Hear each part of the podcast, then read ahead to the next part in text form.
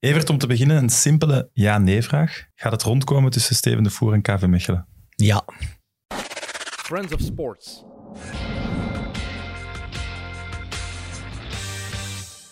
Welkom bij Mit Mit. Zoals iedere week naast mij Evert Winkelmans, eh, KV Mechelen supporter, voetbalsupporter in hart en nieren. Ah.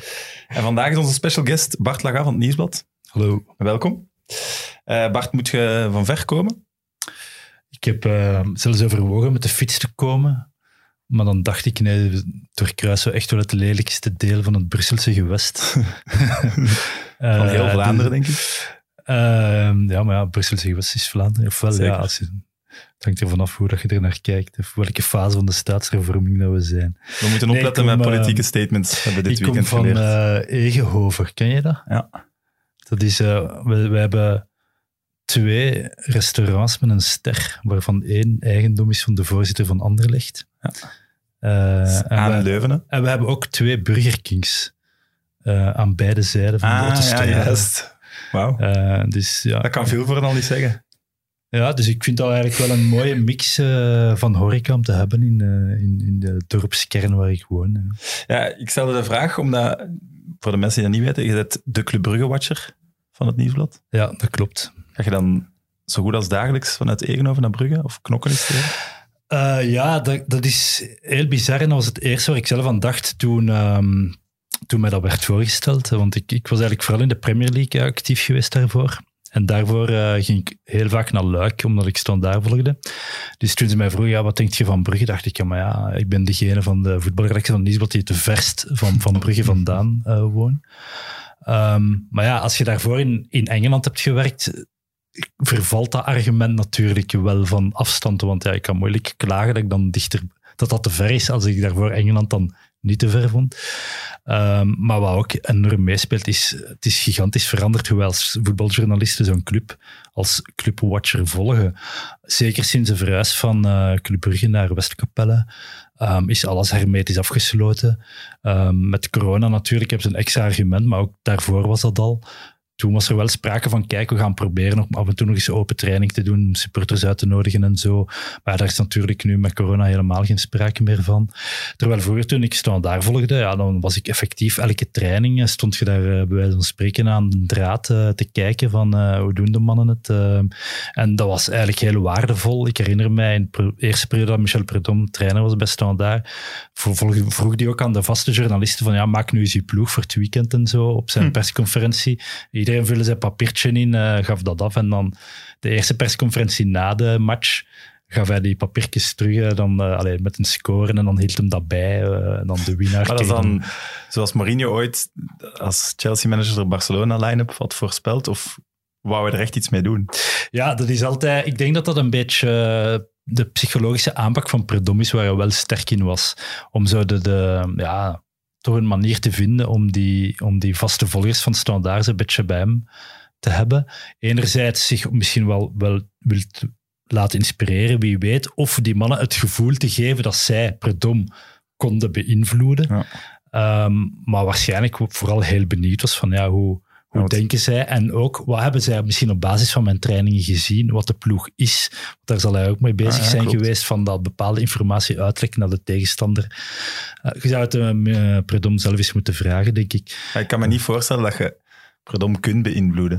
Dus het, het zal eerder Ja. het tweede zijn. Ja, maar al de kranten bijvoorbeeld zetten toch de dag van, de, van een grote match de opstellingen erbij en zo. Dus dan is het voor, ja. voor Predom handig om te weten welke dat ze gaan publiceren. Ja, want ja, tegenstander leest ook. ook. mee natuurlijk. Ja, en dan kan het misschien op het einde nog veranderen. Ja. Ehm, Maar- we doen dat trouwens voor elke match, voor elke ploeg eh, in, in 1A geven we de verwachte opstellingen. Dat doen alle kranten. Maar bijvoorbeeld als ze, als ze komen zeggen, Bart, jij wordt onze man van Club Brugge, dan dat is toch een eer, dat is toch de heilige graal van de Belgische voetbaljournalistiek, Club Brugge. Ja, ehm, wel, ehm, dat is inderdaad als u Toch op aanbieden dit om- moment. Ja, Als de u aanbieden om de, de titel, want dat was toen, eh, hadden ze denk ik net de eerste Ja, keer weer eerste kampioen met Leco. geworden met Leco. Ehm, ja, dat kun je niet weigeren natuurlijk. Eh, je weet dan sowieso Champions League, ehm, groepsfase dat je mocht spelen. Ja, dan doe je zelfs als journalist ook zo'n beetje mee in de Champions League. Ehm, Krijg je dan meer betaald omdat je dan meer werk hebt? ja, vertel me nou eens een vraag die ik op dat moment had moeten stellen misschien. nee, maar wat, wat er ook wel... Allee, ik, persoonlijk ben ik niet altijd eh, voorstander geweest van het systeem met de clubwatchers, omdat ik vind dat er een risico is dat je je dan helemaal tot het, de, de huisraad van die club gaat rekenen. Ehm, het levert natuurlijk voordelen omdat je eh, bij wijze van spreken weet wie dat de, de nummer eh, 28 van de selecties van de belofte die af en toe eens mag meetrainen en wie dat zijn vader is en, eh, en wie dat eh, eh, de, de derde materiaalman is of eh, dat dat je dat allemaal perfect weet, die mensen kunt herkennen. Dat, dat, ja. Maar is het Eh, daarom ook niet dat ze zo om de zoveel jaar wel een keer veranderen, zeker bij die topclubs? Ja, eh, van de andere kant eh, zijn er ook wel bepaalde clubwatchers, bij, zowel bij ons als bij andere kranten, die het ook al heel lang Ja? doen. En, ehm, maar ja, die, zolang die mensen dat goed doen en die willen dat blijven doen. ehm, Maar ik vind dat wel een terecht punt, dat je er soms zo kort kunt opzitten en zo diep, diep kunt inzitten, dat je taak als journalist wel moeilijker te vervullen Tuurlijk. valt. Ik denk ook, elk interview dat, dat sportwereld of niet wat dan met een Brugge-speler hebt, zeg jij dan, ja, dan kun je die niet de week ervoor, als je weet, ik heb Hans van Aken donderdag en hij speelt een slechte match, moet je toch ergens inhouden. Je wilt jezelf toch niet te moeilijk maken om dan donderdag met hem, Ja, je hebt dan de kans om met hem maar te zitten. dat is gewoon in de journalistiek wat altijd heel moeilijk is, om enerzijds een bepaalde band, banden te leggen met eh, mensen, eh, Mhm. een netwerk op te bouwen, bronnen eh, te kunnen aanspreken. En op andere momenten die afstand ver genoeg houden voor als het nodig is, om daar dan kritisch over te berichten. Ehm allee, een voorbeeldje van wat we daarnet over gesproken hebben, ik kan dat wel zeggen. Patrick de Koster ehm, is een makelaar sinds jaar en dag van eh, Kevin De Bruyne. Ehm, ja, dat is iemand die altijd heel open is geweest tegenover de pers. Dus op zich is dat, ja, voor ons was dat wel een, een, een goede mens in de zin van, je kon die altijd bellen, die gaf, die, die kon die niet echt op leugens betrappen. Die zei gewoon hoe dat zat. Ehm, die, die sprak ook wel redelijk open over eventuele andere zaken dat hem deed. Natuurlijk niet over transfers die nog moeten gebeuren, waardoor dat ze misschien zouden kunnen afspringen als er iets over wordt gezegd. Ja, hij zou ook niet in zijn eigen vlees snijden. Maar dat was ook niet iemand die zo à la Dejan Velkovic eh, allerlei verhaaltjes verzon om te zeggen van ja, en je moet... eh, ik beschuldig Dejan Velkovic eh, over officieel daar nu niet van, voor alle duidelijkheid. maar ik probeer er zo Zal ik maar... dat doen? En noteren. Ik probeer er zo maar een naam op te plakken van iemand die, ja, die nu toch al uit het milieu verdwenen is. Maar eh, dat zou nu bijvoorbeeld iemand geweest kunnen zijn die wel, die wel wat meer bekend stond als wat praatjesmaker en, en wat spelers in de belangstelling zetten van kijk, schrijf daar eens een artikel over. Dat, dat deed hij wel, Velkovic. Maar dat zou dan de Koster dan ook wel minder gedaan. Dus ik vond dat eigenlijk wel voor ons als journalisten een, een, een, een, sava... eh, Maar, Maar met, met maar op het moment dat hij dan in de tralies vers, dan moet hij wel kunnen schakelen van ja, oké, er zal wel een reden zijn dat de, het gerechte denkt van oei, eh, er is hier mogelijk iets gebeurd. Dus het is dan ja, heel moeilijk om, eh, om op dat moment dan echt te gaan schrijven van hij heeft dat en dat en dat gedaan. Dan, ehm, ten eerste, wij weten dat niet, dat is een onderzoek van het gerecht. Ten tweede, ja... ehm, Maar is het dan ook omgekeerd zo? Iemand die u wel soms eens aan het lijntje houdt of een leugen verspreidt of zo, dat als die dan zoiets meemaakt als wat Patrick nu heeft meegemaakt, of meneer de Koster heeft meegemaakt, dat je die dan harder aanpakt of dat je je niet inhoudt? Of... Nee, Maar voor alle nu- duidelijkheid, nu ik voor alle duidelijkheid, ik zeg dus niet dat ik anders schrijf over Patrick de Koster dan over anderen. Want ik, dat is net wat ik wil zeggen. Van kijk, dat is iets wat je altijd in je achterhoofd moet houden als journalist. Ooit komt er een moment dat je moet, ja, kill your darlings Mhm. misschien wel. Hè. Stel nu, je staat heel goed met een voetballer, die wint de ene gouden schoen aan de andere. Ehm, En die situatie zit je nu wel bij en, en, dan, en dan, op een bepaald moment gaat er dan een moment zijn dat die mannen dat gedaan gaat zijn. Hè. En Ruud Vormer, op een bepaald moment gaat hij niet meer ehm, in staat zijn, fysiek. Allee, het is misschien oneerbiedig om dat te zeggen, om, om in die basis van Club Brugge te staan. Wanneer komt dat moment? Maar kunt je of Eh. wilt je een vriendschapsband uitbouwen met een speler, een manager of wie dan ook in dat voetbalwereldje? Dat lijkt me Nee, toch dat is eigenlijk het punt. Je kunt dus eigenlijk geen vriendschappen aangaan in de voetbal. En ehm, ik heb dat altijd wel ja, bewust ergens geweten dat dat niet kon. Ehm, en ik ben daar eigenlijk ook nooit heel ver in gegaan. En ik heb altijd dingen op afstand gehouden. Ehm, wat bij Velkovic ook gebeurd is, is uh, cadeautjes hè, uh, aanbieden. Van, ja, en, uh, en, dat begint heel onschuldig. En, en dan, Met uw horloge? ja, dat is van hout. dat is iets nieuws. Ik kan, ik kan dat even zeggen. Je moet natuurlijk wel een horloge hebben als voetbaljournalist. Hè, maar ik dacht, dat is zoiets symbolisch zo van hout. Ik houd me ver af van. nee, dat is eigenlijk van een collega van België. Die, die had dat horloge. Ik dacht, dan, chic. En online besteld. Maar zijn die cadeautjes al aangeboden aan u? Nee, ik heb eigenlijk uh, daar weinig wel. last van. Nee? Um, nooit, nog nooit ik iets denk- van een makelaar die ik- iets heeft aangeboden? Van echt cadeaus zo van, nee, dan niet. Maar, maar ehm, wat ik wel al Puur cash. ik doe al, ja, Ah, voor mij. eh, nee, nee. ehm, nee, allee, pas op, ik wil ook zeker niet beweren dat alle makelaars eh, constant met een, een valies vol met Rolex eh, en die aan iedereen beginnen uit. Dat, dat wil ik zeker niet zeggen. Maar ik heb wel altijd een goede zintuig gehad om te weten van ja, ik blijf. Ik heb hier geen zin om in de friendzone van, van die of die bepaalde figuur eh, terecht te komen. En als iemand zo u te vriendelijk begint te bejegenen, dan... allee, het moet voor mij echt wel gewoon om Ja. heel duidelijk zijn dat ik de journalist ben en die andere persoon. En ja, mensen gaan dan ook eh, ja, meestal ook anders spreken tegen u, omdat je journalist bent. Maar ik vind dat, ik vind dat goed. Ehm, Hm. Voor mij, ik, wil, ik, ik, allee, ik zou dat helemaal niet willen, omdat mensen alleen mij te close bij mij komen.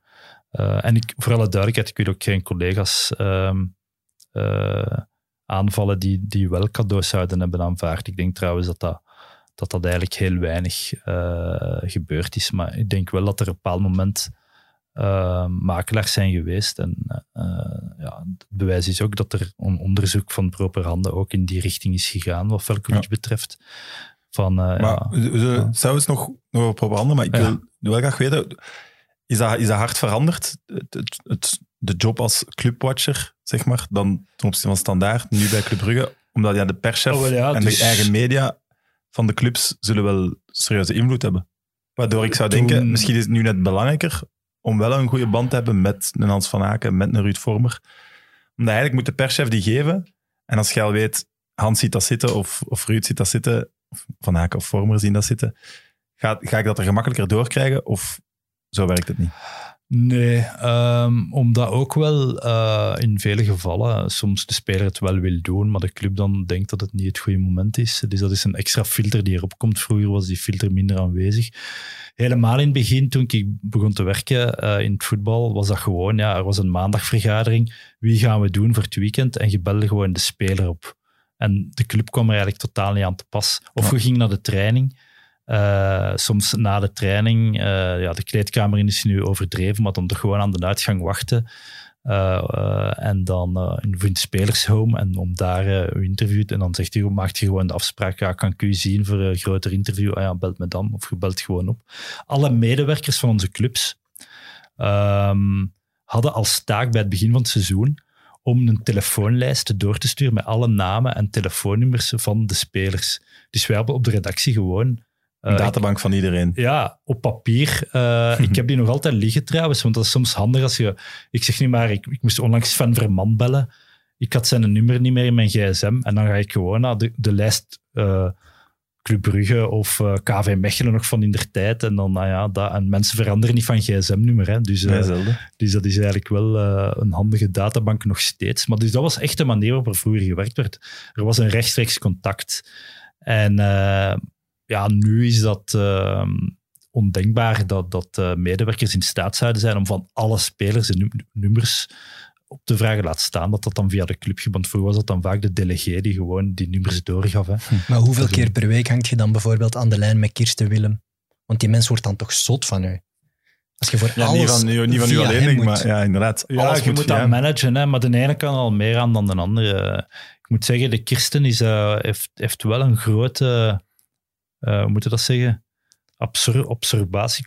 Ik kan er vrij veel WhatsAppen krijgen zonder helemaal zot te worden. Maar dat is ook zijn taak en zijn job natuurlijk ook. Ik zou daar echt gek van worden. Als er zo'n Ehm, twintig journalisten Ik zeggen, heb dat ik twee, deze week twee jaar bij Dries eh, gedaan, al deze media aanvragen. En gewoon op een gegeven moment zegt Dries echt, Fuck it. No way. Eerlijk gezegd, ik zou die job ook niet willen doen. Dus ik, ik wil bij hierbij eh, een pluim geven aan Kirsten dat hij dat wel doet. Eh, het is een mooi meegenomen natuurlijk. Maar uw Ik mijn, eh, met Van Aken is voilà, geregeld. is rond. Eh, nee, maar echt, dat meen ik. Ehm, ik heb dus ook in de Premier League actief geweest. Daar heb je Manchester United. Daar gaat het afschermen van die spelers zo ver. ehm, dat ik als Belgische journalist, ik vroeg me, kan ik, mag ik op de mailinglijst komen waarop alle officiële communiqués worden verspreid? Zelfs dat was in policy nee. Dat doen we alleen maar aan. Dus ik, ik, dat is de enige club in de wereld die geweigerd heeft of mij gewoon op hun mailinglijst eh, te zetten. Waar je, Dan wordt het wel heel moeilijk natuurlijk Ja. om je werk te doen. maar dus ook, is- ook die clubs hebben dus mensen in dienst die met de media omgaan. En dan vraag ik mij af, ja, wat voor hoe job heb je als u de policy van je bedrijf is dat je gewoon elke journalist Blokken. moet wandelen sturen. Blokken, blokken, blokken. ja. Dan moet het toch echt wel ofwel een heel slechte mens zijn, ofwel, allee, of daar, ofwel daar, daar genoegen in scheppen om dat te doen. Of, allee, Maar zo zijn er veel hè, in hoe die pers, eh, media, Hm. verantwoordelijke wereld. Gewoon blokken, alles blokken. Die van Hm. Napoli ook, die blokt alles. Ja. Die, die, die leest zelfs uw bericht niet, denk ik. Of uw mail of uw uitleg. Nee, nee, ik heb, die zegt gewoon eh, nee. Ik heb een prescreen gekregen van iemand die naar mij had eh, gestuurd voor, voor het- een interview met Dries. Ik geef dat nummer door van de, van de Napoli-man. Die zegt, ja, ik bemoei me daar niet meer mee. En die stuurt nog maar gewoon, hi Michele, zo noemt hij. En zo al op enter geduwd, hè, want het volgende ging in een volgend bericht komen. En die replied, voordat hem zijn bericht kon sturen, no interviews. Gewoon dat. Maar ik denk dat Kirsten daar wel een andere persverantwoordelijk is. Die laat zijn spelers ook wel vrijer, heb ik het gevoel. Er mag wel zoiets iets negatievers, is misschien ook te Ja, nodig, maar ja, zo'n Vormer is wel want- redelijk vrij. Die heeft zich al een paar keer, ik ga niet zeggen super negatief uitgelaten, over, vooral in de periode van Leco. Misschien omdat hij dat zeggen, hè? als hij die aan de leiband hangt, als Kirsten zijn, zijn spelers aan de leiband zou hangen, dat, dat zo'n vormer daar ook niet naar luistert, dat ook niet graag heeft. nee, dus dat is ergens een midden vinden. Maar Kirsten doet dat ondertussen al wel vrij lang en die weet nu Ja. ondertussen al wel een beetje hoe het wereldje eh, in elkaar zit. Kijk, toen Club Brugge een heel slecht eh, seizoensbegin kreeg, ja, dan zou je natuurlijk kunnen zeggen van ja, nee, we willen alleen maar positieve interviews geven. Interviewt maar, eh, weet ik veel, eh, de speler die, die net eh, zijn, zijn eerste minuten heeft mogen maken en er mogen alleen maar positieve vragen stellen. Ja, dat zou niet werken. Dat zouden Club Brugge-fans ook niet aanvaarden. Terwijl dat nu wel met het tv-contact letterlijk gebeurd is. De clubs bepalen mee nu de inhoud en Eleven, ik weet nu niet of dat in realiteit eff- effectief zo Ja. is, maar moeten zich Maar ik heb minder toch- kritisch opstellen. Ik heb wel al vanuit, vanuit clubs allee, gehoord dat ze, dat ze inderdaad mail sturen of, of laten weten aan Eleven dat ze niet gediend waren met sommige kritieke uitspraken. Dus ik vind dat dat wel heel ver gaat. Ja, ik ook. En dan, dus ze snappen dan nog altijd niet bij de Pro League of bij de clubs dat je je, je product zo Ja. wel devalueert. Ik denk dat ook, Dat maar alles- ik, denk, ik denk dat ze dat, dat misschien nu gaan moeten ondervinden, Sam, dat dat gewoon een fase is waar ze door moeten gaan en dat ze zullen merken dat hun geloofwaardigheid eronder gaat lijden. Misschien wel. Ehm, maar ik, heeft ik durf het nog vaak niet te iets laten zeggen. aanpassen bij u? Dat je het artikel doorstuurde en dat hij zegt, oh, dat eruit of dat aanpassen? Of... Ehm, mm, nee, doet dat niet vaak. Ik zou zeggen, er zijn eh, persmensen van kleinere clubs die veel meer aanpassingen vragen dan hij. Maar dat gebeurt wel, ja. En vroeger eh, gebeurde dat eigenlijk bijna nooit, maar ehm hadden, kregen dan soms achteraf Maar als je weet wat je... van, ja. Dus ik heb het soms liever dat ze het zo een keer lezen en om al de feitelijke fouten eruit te halen bijvoorbeeld. Ja, want soms vergist je u ook gewoon. Ehm, en als dan, meestal is het, komen de opmerkingen niet van Kirsten, maar van de speler zelf. eh, want hij stuurt die dan gewoon door naar die mannen. Ehm, en eh, die laten dan gewoon weten van, ehm, ja, oké, misschien heb ik dit niet zo bedoeld. Daar ben ik dan wel akkoord mee. Uiteindelijk zijn zij die zich Tuurlijk. eh, wat natuurlijk niet de bedoeling is, is in, in stukken in het interview die ik zelf schrijf, dat daarin zaken veranderd worden. Maar Ja, dat, dat gebeurt ook wel. Maar ja, als jij een interview afneemt, is dat in principe zoals wij nu een gesprek hebben. Als ik dat daarna moet uittypen, dat van Velkovic bijvoorbeeld, ja, ik kan dat ook zo neerschrijven dat het ook niet is zoals jij het bedoeld had. Dus ik snap dat die wel zeggen, ja, dat bedoelde ik totaal niet zo. Of terwijl hij in een Ja, gesprek context, wel hè. zo Con- kan... context kan soms voor een speler Voilà. ineens heel hard overkomen. Ja, van, Oei, heb ik, dat, heb ik dat echt zo gezegd? Oh, wel ja, ik had nu eh, Dennis Praat eh, geïnterviewd eh, vorige week, eh, omdat hij toch wel eh, ja, volle bak in de basis staat in Leicester, een fantastisch eh, competitiebegin. En op het einde van het interview zegt hij mij ook, ja, ik zou wel willen weten wat de titel is, want ik heb wel eens een slechte ervaring gehad van een uit de context getrokken titel. Eh, en dan heb ik wel gezegd, ja oké Dennis, eh, ik ben daar akkoord mee. Eh, ik wil dat ook, zelf ook niet, dat jij nu niet herkent in die titel. Wat natuurlijk ook weer waar is, is dat een titel is altijd uit de context gerukt natuurlijk. Hè. Mm. Allee, bedoel, Ja, dat is ook zo'n waar. beetje een... een Maar ehm, titels worden normaal gezien nooit doorgestuurd, hè? Toch? de kop van het Ehm, artikel? Ik doe dat soms wel, maar die verandert ook heel vaak. Omdat eindredactie heeft daar ook wel het laatste woord en terecht. En vaak heeft het met technische redenen te maken dat er bijvoorbeeld maar een bepaalde plaats is om een titel te zetten op de pagina. Omdat dat in zo'n groot letterkorps is dat je dat moeilijk zo'n volledige zin kunt... eh, Maar ja, en het mag ook geen brave titel zijn. Hè? Eigenlijk Het moet, moet het een contextloze titel zijn, waardoor je het lezen om de context te begrijpen van de titel. Ja. En journalisten en allee, spelers, clubs weten goed genoeg, ja, de titel blijft cruciaal. Hè. Bij het binnenkomen van een artikel, dat kan direct een heel negatieve connotatie geven aan een artikel, of net een Ja. heel positieve. Een titel Hm. is zo doordringend, zo belangrijk. ja, het bepaalt meestal gewoon of je het stuk wilt lezen of Ja. niet. Hm. Titel of de quote die erin staat, eh, zo, eh, allee, daarmee bedoelen we zo'n klein... eh, Ja, quoteje. Oké. Ehm, of fotoonderschrift. Eh, ja, dat is heel veel mensen. eh, er zijn ooit studies naar geweest. Hè, ehm, dat ze, ze zetten op uw mensen een leesbril op. En eh, ze laten die door de krant bladeren. En enfin, dat is nog van voor het online tijdperk. En dan meten ze, wat wordt er hier gelezen? En dan blijkt dat zo. titels, dat wordt door 95% gelezen. En dan de inleiding misschien eh 60%. En dan zo naar, naar het einde toe van het artikel, die laatste zinnen van het artikel, komt er zo op 2% uit of zo. Dus ja, om maar te zeggen hoe, hoe belangrijk En dat, daar dat is. staat dan net uw scoop in die laatste En zin. ik heb, ik heb Zo'n zo'n een de principe- fans. zo. ik heb zo principes, een beetje boetade, maar het is er niet ver naast. Als ik bezig ben met een artikel, besteed ik een derde van mijn tijd aan een goede inleiding, een derde, eh, sorry, een derde aan een goede kop, een derde aan een goede inleiding en een derde aan, aan het artikel, gewoon omdat dat Ja, Ja. snap ik. doel... Maar ik, Dus- heb, ik heb ook weer met Ries voorgemaakt, met, voorgehad met de humor. Dat was een schitterend interview. Niks sensatie, niks over zijn privédingen. En dan denk ik van de, van de ja, 30 vragen op twee. En dan, als ik het artikel zag, waren inderdaad die quotes, waren dan twee keer iets wat hem zei over Katten, over zijn privédingen. En dan stuur ik ook, die zei dan effectief, dat is boven mijn hoofd gewoon nog veranderd. Daar heb ik niks meer aan te zeggen. Gebeurt dat dan bij jullie ook veel? Ehm, het eerste wel, het tweede niet. Dus meestal heb ik er dan wel nog iets aan te zeggen. Als we dan zien van ja, het dan, dan zeg ik wel, kijk, dat, dat vat niet weer hoe het gesprek was. En ik zeg dan ook van, kijk, ehm, publiceer het maar zoals jullie willen, maar houd er dan wel rekening mee dat die eh, sportmens in kwestie de volgende keer wel second thoughts gaan hebben als we Mhm. nog eens gaan vragen, want ik begrijp hem wel dat. Van de andere kant vind ik dat soms ehm, sportmensen te voorzichtig of te veel schrik hebben om dingen Mhm. te zeggen.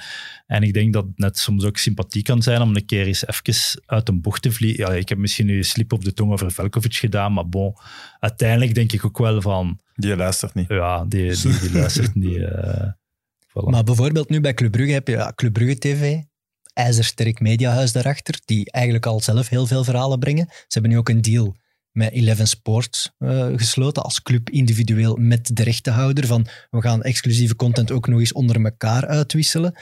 Ja, heb je dan zoiets niet van gasten, kom op. Hoe ver gaat dit gaan voor u als onafhankelijke krant dan nog? Als jullie Maar geen ah, deal gaan sluiten met Club Brugge, wat ga je nog krijgen de je komende jaren? die, die vraag tien jaar geleden gesteld, Evert, dan had ik gezegd, inderdaad, dat is schandalig, dit en dat. Maar ondertussen denk ik daar helemaal anders over. En ehm, denk ik net van, oké, laat ze het maar doen. Hè. Laat ze maar eens, eh, laat Agent nu maar eens een interview doen met, met hun spelers na die match, dat dan kritiekloos is. Hoe geloofwaardig zijt je dan nog tegenover je supporters? Mhm. Uiteindelijk hebben we nu wel slim gedaan door een eh, contract te geven aan die uh, Matisse uh, Samoise, die ik die Ja, gisteravond die nog is ingevallen. Dat vind ik een geniale zet van Ja, Gent, want dat is wel echt... ehm, ja, Perceptie. Perceptie, perceptie omdraaien. zonder Ja. dat je daarom... ehm, Je, ja, je liegt niet, je doet niks fout. Ja, voilà. Ehm, dat vind ik slim. Ehm, maar wat, wat, wat je dus niet zou had mogen doen, is om dan zo, ja, weet ik veel, daar zo een fake gesprekje van Ja. te maken. We blijven werken. en Ja, en, zoiets van... ehm, Maar dan hebben we ook niet het gevoel dat de, de social media filmpjes en zo waarover spreekt, die de club zelf maken, ja, die graven ook niet diep. Hè? Dat gaat over, Dat over andere- dilemma's. Ik vraag me af wie de daar als supporter kleedkamer. naar luistert, naar Voilà, kijkt, ik denk dat, of wat die dat hoe, meer, hebben. hoe meer dat soort dingen er zijn, hoe meer er ook de nood komt aan wel iets Ja, ik- stukjes. En dat hoe- doet de clubs zelf. Dat is wel een interessante piste van inderdaad uiteindelijk in hoeverre is een Club Brugge fan liever lezer van het nieuwsblad of kijker van zijn eigen social media filmpjes van zijn eigen club. Ik denk dat dat wel ik denk, interessant kan zijn. ik denk dat het aanvullend werkt. Eh wat Club Brugge wel zich op toelegt, en dat is, lijkt mij ook slim, is zo hun exclusieve content achter de schermen. Zo van in de kleedkamer, die pep Ja. talk van Clement. En dat Ze hebben dat ze is ook. gedaan tijdens de play-offs en dat was wel, Dat is wel goed, Dat deden ze ook bij nederlagen. Hè. Ik Ja, herinner me nog schrijvers die zo vol in zijn voeten kreeg van Leco.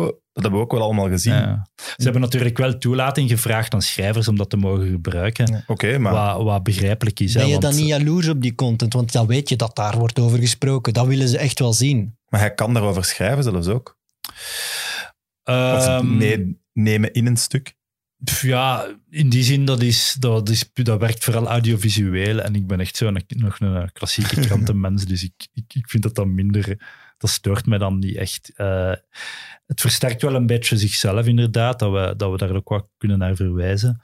Wat ik wel jammer vind, is dat we, allee, wat ik daarnet zei, van de tijd van Standaard, waar we echt aan de zij die trainingen Ja. aanwezig. En dan krijg je zoveel meer mee op zijn training.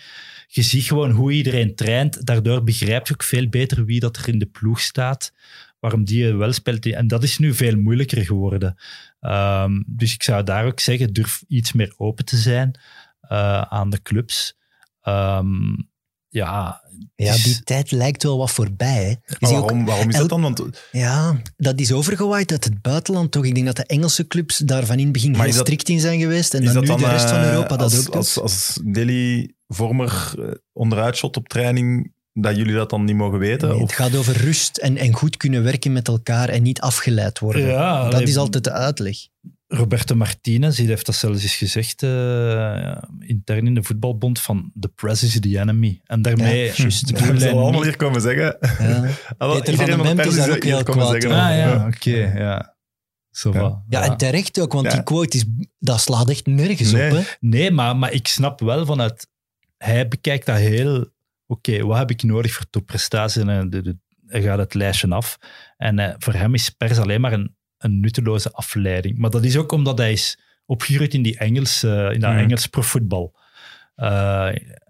Ook al bij Swansea en zo. En, en daar zijn ook allemaal die gewoonten om alles achter gesloten Ja. deuren te houden. Thibaut Courtois test positief op corona, maar mag dan toch meetrainen omdat hij antilichamen heeft. Wat doet Martinez? Die gaat gewoon dat verzwijgen. En Ja. ik vind dat eigenlijk, dat gaat wel een beetje in tegen de Belgische manier waarop wij, onze nationale ploeg, willen we toch graag alles weten. En Mhm, voor- uiteindelijk lekt dat toch uit. mhm. En dan, allee, dat is al een paar keer gebeurd, ook eens met een blessure van Torgan Hazard, dat je hem dan op een leugen betrapt. En dat komt zo slecht, dat past niet bij onze voetbalcultuur. En het kan ook helemaal anders. Kijk naar Duitsland bijvoorbeeld. Daar is wel alles heel open. Eh, ik herinner mij nog altijd, toen Kevin De Bruyne bij Wolfsburg speelde, dan ehm, dat was eigenlijk wel een vrij grappig moment. Ik denk dat dat de Supercup was die ze dan thuis hadden gespeeld en gewonnen. Eh, Koen Kasteels komt voorbij, ik begin daarmee te spreken. En dan zie ik Kevin De Bruyne passeren. Dat is een typisch moment voor een journalist dat hem denkt van, ah ja, weg met Wacht, Koen Kasteels, ik wil met Kevin De Bruyne spreken. Maar in Duitsland is het dus niet nodig. Die persman, die deed teken van, spreek maar rustig met Koen, wat uiteindelijk toch ook wel Mhm. topspeler is. Een Belg ook, voor u belangrijk. Eh, die hè? daar ook Ja. is. En, en, Ja, is- en, dat is, en- en- eh, topper, hè? ja, en, ehm, en Kevin die wachtte gewoon braaf totdat ik klaar was met Koen Kasteels. En, hup, en Kevin De Bruyne werd er beschikking. En dat deed dus die Duitse ehm persverantwoordelijk van Wolfsburg voor een Belgische journalist. Hm. Dat kunnen wij ons nu toch niet inbeelden. Nee, dat, inderdaad. pakken in Club Brugge dat er een, eh, een Ivoriaan is voor Simon Daly. En, de, eh, Maar ik hoop en dat Kosunu komt Willem- voorbij, ja. ook een Ivoriaan. Ja, Dat die begint bij Kosunu, mee ah, ja. ja. En dat dan... Ja, Eigenlijk is het wel, dat is wel is een de- mooi eh, voorbeeld van hoe, Ja? hoe, hoe het in België echt wel nog beter kan. Maar dat de pers is kunnen, toch enkel de vijand als het slecht gaat? Want als het positief gaat, ja, dan gaan jullie ook het nog meer opblazen door hoe positief het is. Als Martinez nu de Europees kampioen wordt of wereldkampioen wordt, gaan, gaan jullie ook alleen maar positief schrijven over Maar- Martinez heeft hier iets neergezet. Martinez, Het is alleen maar Martinez, gaat, verdient, Martinez verdient zoveel geld omdat er pers is. Hè. Ik bedoel, allee, met alle respect, dat, al die mensen werken in de entertainment business. En de entertainment business werkt alleen maar omdat er media en advertenties zijn. Hè. Al Ja. die mensen mogen dat wel soms niet vergeten. Het gaat Nee, niet nee, over leven en dood. Hè. Het gaat over een bal binnen of buiten. Hè. Als hem dan eens niet binnen is, doe er alsjeblieft niet te zwaarwichtig over. Hè. Ja, Durf daar dan ook te gaan zitten. Hè. Een, eh, ja, een ander voorbeeld uit Duitsland is eh Bayern München. Maar dat was nog een vorige persman. Die vond op een bepaald moment dat er te weinig over zijn club geschreven werd. En dat was een gast die begon gewoon roddels, roddels over zijn spelers te verdelen in zo de, die grote nationale Duitse media.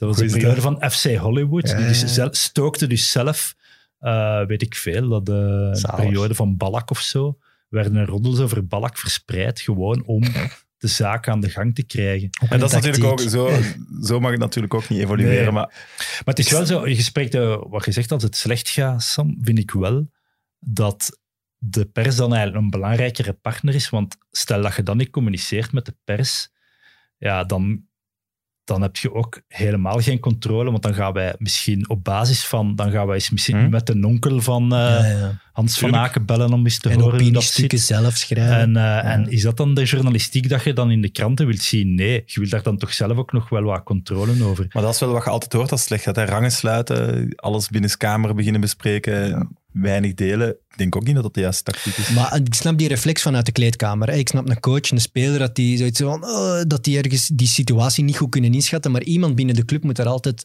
helikopterzicht kunnen over behouden en zeggen, "Oeh, jongens, even ademen. We hebben nu drie weken op rij verloren. Woensdag ga jij, coach Clement, samen zitten met de Club van het Nieuwsblad. En ga jij rustig een uitleg doen hoe dat jij denkt dat komt dat we 0 op 9 hebben. En dan haalt je dat vuur uit die... Uit die, uit die uit, uit dat, allee, Ja. snapte? Iemand moet dat overzicht kunnen bewaren voor True. het beste van die ploeg. Heb je dat al omgekeerd meegemaakt, dat, dat, dat Club Brugge of Kirsten Willem dan in, in de persoon van tegen u zei van zeg, we zijn met dit bezig, kunt je daar iets over schrijven of kunt je dat vermelden? Of... Het is niet dat het Eh. omgekeerde, de omgekeerde richting ook werkt. En wat ik dan zou begrijpen, dat je zegt, oké, als dat nu een mededeling is, of dat je dat wel gewoon tuurlijk. doet. dat- Eh, ze sturen soms wel eens iets door van, eh, of, ze, of ze op hun social dingen soms doen van eh, eh, als dat eventueel voor jullie interessant is om voor jullie online te geven en dan bekijken of dat interessant is. En als dat interessant is, geven wij dat. Eh, Want uiteindelijk, ja, Club Brugge ehm, is veruit de populairste club bij ons. Eh, populairste populairste merk, merk, in heel ja. Vlaanderen, ik gelezen. Ehm, bijvoorbeeld de stage in Qatar. Eh, ik heb er nu twee jaar naar elkaar Dat gevolgd. is mijn dada. Eh, ik zal je zo meteen over aan het woord laten. Wat, wat ik daarover wou zeggen was... ehm, wij, de- wij maken stagedagboeken. En dus de deal dat, dat dan met de kranten is dat wij wel op die training allemaal om aanwezig kunnen zijn. En dat is een beetje bizar, want je ziet eigenlijk doorheen het jaar geen enkele training. En dan Ja. zie je gewoon op één week elke dag twee trainingen, want meestal trainen ze twee keer per dag. En ehm, ja, ik, ik stel de interne vraag, moeten we daar dan veel over geven? Want in het jaar doen we toch ook niks over, waarom nu ineens wel? Dan zeg je, ja, maar ja, Kliks. dat wordt zoveel bekeken en aangeklinkt. Dus ik, al die, ik, ik maak daar dus constant filmpjes, dingetjes, ik, ik stuur dat allemaal door. En dat zijn dan de meest bekeken artikels van die, van die week. Dat, is- dat is echt bizar. Eh, en dan ja, zeggen ze bij ons ook wel, ja, Club Brugge wordt goed aangeklikt, eh, wel willen we. Tuurlijk. En, maar ik vind het nogal sowieso interessant. Wat ik ook kan zien van die trainingen wil ik meepikken, want dat levert mij ook weer een schat aan informatie op voor de volgende. Ik heb bijvoorbeeld toen gezien dat eh, Dennis en Touw heel weinig meetrainden en, en weinig betrokken waren. En dat heeft zich ook wel voortgezet in die volgende maanden. En Ja. die mannen zijn hier weinig aan te pas gekomen. En je weet dan wel waarom, wat, wat dat er aan de hand was. Ehm, Ja, je, je zegt trouwens, ik ben echt een klassieke krantenjournalist. Heb je soms schrik voor het voortbestaan van, van die job? Nee, totaal niet. Net allee, om, om terug op uw vraag te komen: van, denkt je soms niet, al die clubs nemen het zelf in handen? Ja, ik denk die doen dat eigenlijk zo weinig kritisch dat er meer dan ooit een plaats is voor kritische journalisten. En eh, ik zal mij, allee, ik moet natuurlijk evolueren in die zin dat Dat je die filmpjes op stage en zo Wel ja, dat het maken, niet alleen maar kranten zijn, dus ik moet mee met de technische evoluties. Maar het zal altijd noodzakelijk zijn dat er onafhankelijke en kritische waarnemers zijn. En allee, we zullen er straks misschien nog over spreken eh, rond de propere handen. Ja, daar heb je gewoon journalisten nodig die, die, die gewoon iets verder kijken dan alleen maar ik ben hier de clubwatcher van en ik zet filmpjes van de training eh, online. Ja, klopt. Maar volgende keer als ze naar Qatar gaan, niet meegaan, hè Bart. En je, je zei vooral de mensenrechten situatie een beetje... eh, Ja, ik, ik heb Eh. daar al eens een pittige discussie op Twitter over uitgevochten met Kirsten Willem, omdat hij vindt dat ik daar iets te hard had gebruskeerd. Maar ik vind dat je daar als voetbalclub weinig te zoeken hebt in een oefenstage. En toch Maar- zitten ze er allemaal. Ik ben eigenlijk wel als journalist wel blij dat ik er geweest ben, want allee, dat is heel verhelderend om te zien hoe de voetbalwereld in elkaar steekt. Eupen zit daar dan ook, die zitten dan Mhm. in kleine vertrekken. Die spelers zitten met vier op een kamer zonder tv. Echt zoals wij vroeger, eh, allee, dat je vroeger als jeugdspeler of als, eh, als, eh, als bij de scouts ging gaan logeren. Ehm, terwijl eh, Bayern München zit dan daarnaast in zo'n soort eh, Disneyland-achtig nagebouwd eh, ka- Duits kasteel dat ze daar in die zandbak hebben gezet. Dat is heel, heel bizar. Ja. Heeft corona veel, veel veranderd in, in hoe je je job kunt uitoefenen. Ehm, corona is, heeft een beetje, wat ik daarnet zei, bijvoorbeeld, ja, Club Brugge zal nu niet zo snel open trainingen beginnen te doen daardoor. Eh, toch zijn alle, binnen. zijn alle persconferenties Zoom-sessies, zoals, dat, zoals ik weet dat bij Nee, bijvoorbeeld wel is? ehm, want ik heb bijvoorbeeld eh, gisteren Brandon Mechelen geïnterviewd in levende lijven. Eh, het gaat goed met hem, hij is verlost van de corona. Oké. Dat is dan Eh, op en af van Leuven naar Brugge. Nee, nog verder eigenlijk, hè, van eh, Leuven naar Westkapelle, de deelgemeente van Knokken. Pakt u daar een appartementje, jong? Maar nee, dat is, dat is eigenlijk het ding wat ik eigenlijk wou zeggen. Vroeger moest ik elke dag in Luik zijn. Ehm, en dat was van waar ik woon, is dat drie kwartier rijden. Ehm, maar nu ben ik, ben ik daar maar één of twee keer in de week. Hè. De match, eh, soms mid, mid, midweekmatch, maar ja, allee, dan moet het al thuis zijn natuurlijk. En dan is een interview en, en that's it. Meer, vaker is er ook niks meer te doen, want ik kan de trainingen toch niet meer zien. En, Nee, maar dat is de Brusselse ring, de Antwerpse ring. Eh, dan de, die autostraat naar Knokken dat altijd nee, dicht Ja, zit. maar nee, ik rij via... Ik rij gewoon F40. ehm, Ah ja. En dan eraf in Aalter. Ja, En dan, en dan zo. Maldegem-achtige toestanden achter Ik had eens ooit, ik een afspraak met Maarten en, en Kirsten bij Brugge. En ik vertrok hier, ik was al wat te laat, dus ik geef snel in de GPS in knokken. Het eerste wat kwam bij wees, maar er is ook een knokken net over de taalgrens blijkbaar. Er is ook een Westkapelle in eh. Nederland. Dat is ook Een wel uur te laat eh, was ik. vervelend. Voilà, dit geheel Dat is terzijde. wel typisch, een typisch kerkhofstoot, denk Ja. ik.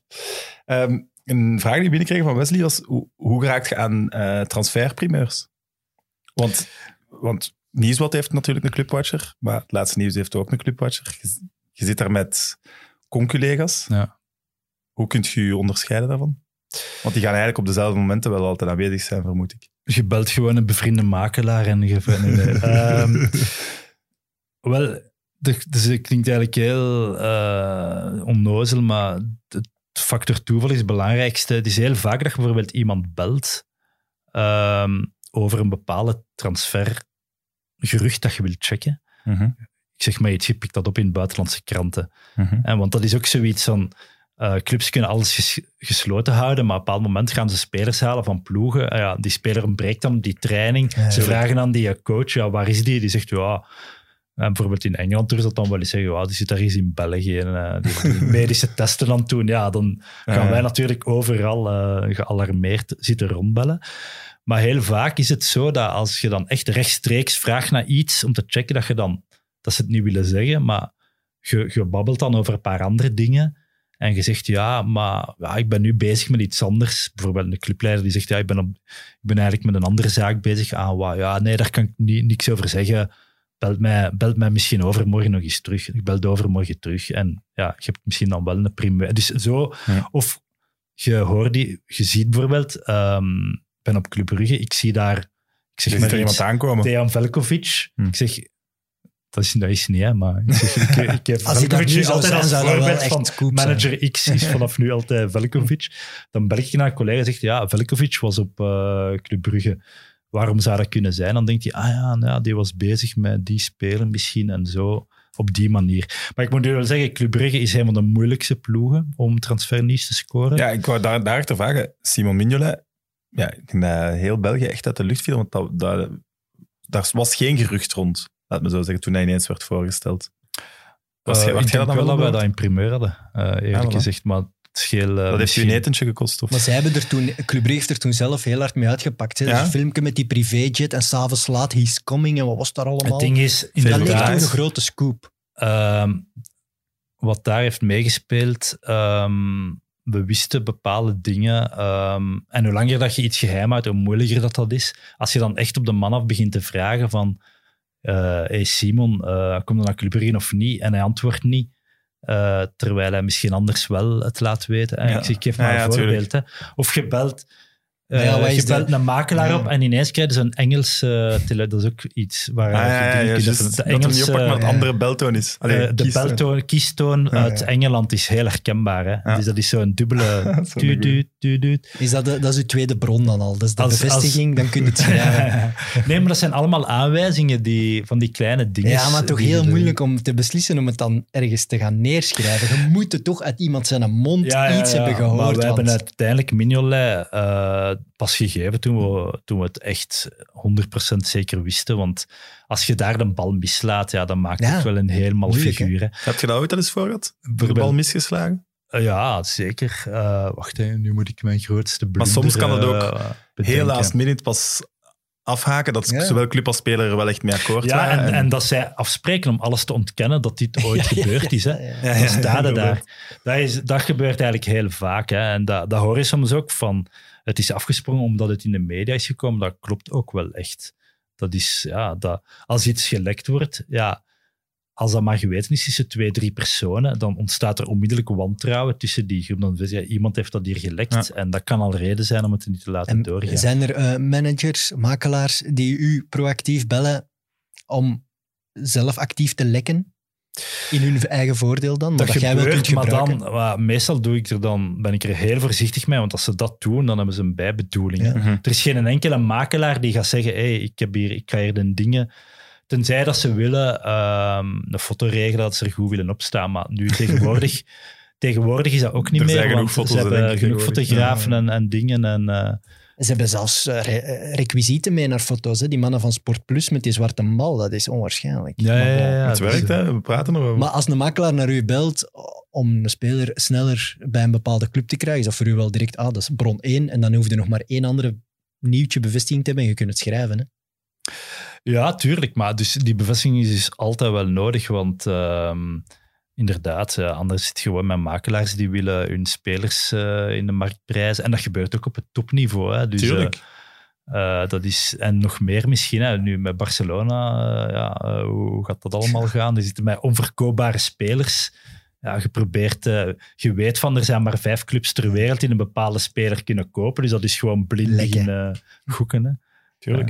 Maar ik ben, ik ben nog aan het wachten op, op die, die mis, mistransfer. Maar die gaat- bijvoorbeeld, Ja, dus nee, moet, maar bijvoorbeeld eh, die roddel die wel heel sterk was op een gegeven moment, maar ik kan nog ook gewoon heel slechte bronnen hebben. Batshuayi naar Club Brugge. Er gingen medische Ja. testen plaatsvinden de dag na een match van de Rode Duivels. Allee, er was van, dat was al gepland in, in het ziekenhuis van Brugge, dit en dat. Nooit niks meer van gekomen. Wel, dat hebben wij bewust ook niet geschreven. Ehm, omdat we, we, we weten dat Club Brugge zeker de voorwaarden heeft opgevraagd. Maar ik denk dat ze ondervonden hebben dat het nog een verschil is tussen een keeper van de Premier League te halen en een spits. Mhm. Want je ziet nu ook, ja, Batshuayi, ja, die ook al heeft hem bijna niet gespeeld, heb, Crystal Palace pakt hem wel. Dus uiteindelijk, ja, al die clubs hebben ook niet zo heel veel. Ze zoeken dan toch iemand die die, die dingen kennen. En keren vooral dan? die mannen, wat vooral daar een rol speelt, is die zitten liever op hun contract in Engeland op de bank. Eh, Hoe moet het zeggen Ja, zoals het, het is, het is, het is tien dan- keer zoveel. Allee, tien is misschien overdreven, maar het is echt een veelvoud. Hè? Maar hoeveel keer belden ze in die twee maanden naar Brugge voor ergens toch? Ja, is het dan nu? Is het dan nu? Komt hij nu? Je mocht dan niet te veel doen, want dan, eh, ja, dan gaan ze je zeker niet antwoorden. Dus je moet daar echt zo... Vooral nu deze periode, 5 oktober stopt het, dus het zijn nu de hoge. Het is Ja. niet dat ik elke dag bel met, met Kirsten van hoe zit het met transfers. Want Kirsten zegt, en dat geloof ik hem, ja, ik weet het zelf ook niet, hij zal ook Mhm. als een van de laatste pas op de hoogte worden En als gebracht. morgen in dat het moet ik nu wel nieuws- toegeven, dat is echt waar. Hè? Ja, maar als morgen in laatste nieuws staat, eh, Club Brugge heel ver gevorderd met Benteke. En jij hebt dat niet, jij hebt dat dan een dag later. Dan baalde toch? Dan, dan is het Als toch dat, ergens iets als dat waar is, wel. Maar eh, ik denk dat Benteke ook al eens in het laatste nieuws heeft gestaan dat het niet waar was. En dan, dan eh, wie daar veel minder probleem mee natuurlijk. Maar Maar je zet niet- je zet niet twee gewoon in dagen- Londen blijven. Nee, maar dus, je zet dat niet slecht gezien omdat je ergens een scoop hebt gemist. Ja, ik ben, ik ben altijd ziek van elke scoop die ik Ja? heb gemist. Ja, ja. Maar als in Londen mijn, wil blijven... Mijn, mijn grootste misser, ik wil dat wel zeggen, was dat op het moment dat Venanzi daar overnam, dat ik dacht dat Luciano Donofrio daar ook tussen zat en dat, dat bleek niet zo te zijn. Ehm, en dat, allee, daar heb ik nog altijd grote spijt van. Ehm, dat ik dan niet, allee, dat ik daar eh, verkeerd ingelicht ben geweest en een bron heb vertrouwd die uiteindelijk niet te vertrouwen was. Dat was dus niet met een speler, maar... Nee. Eh, en de grootste scoop die, mij, die ik had, denk ik, was eh, Victor Valdes naar Standaard.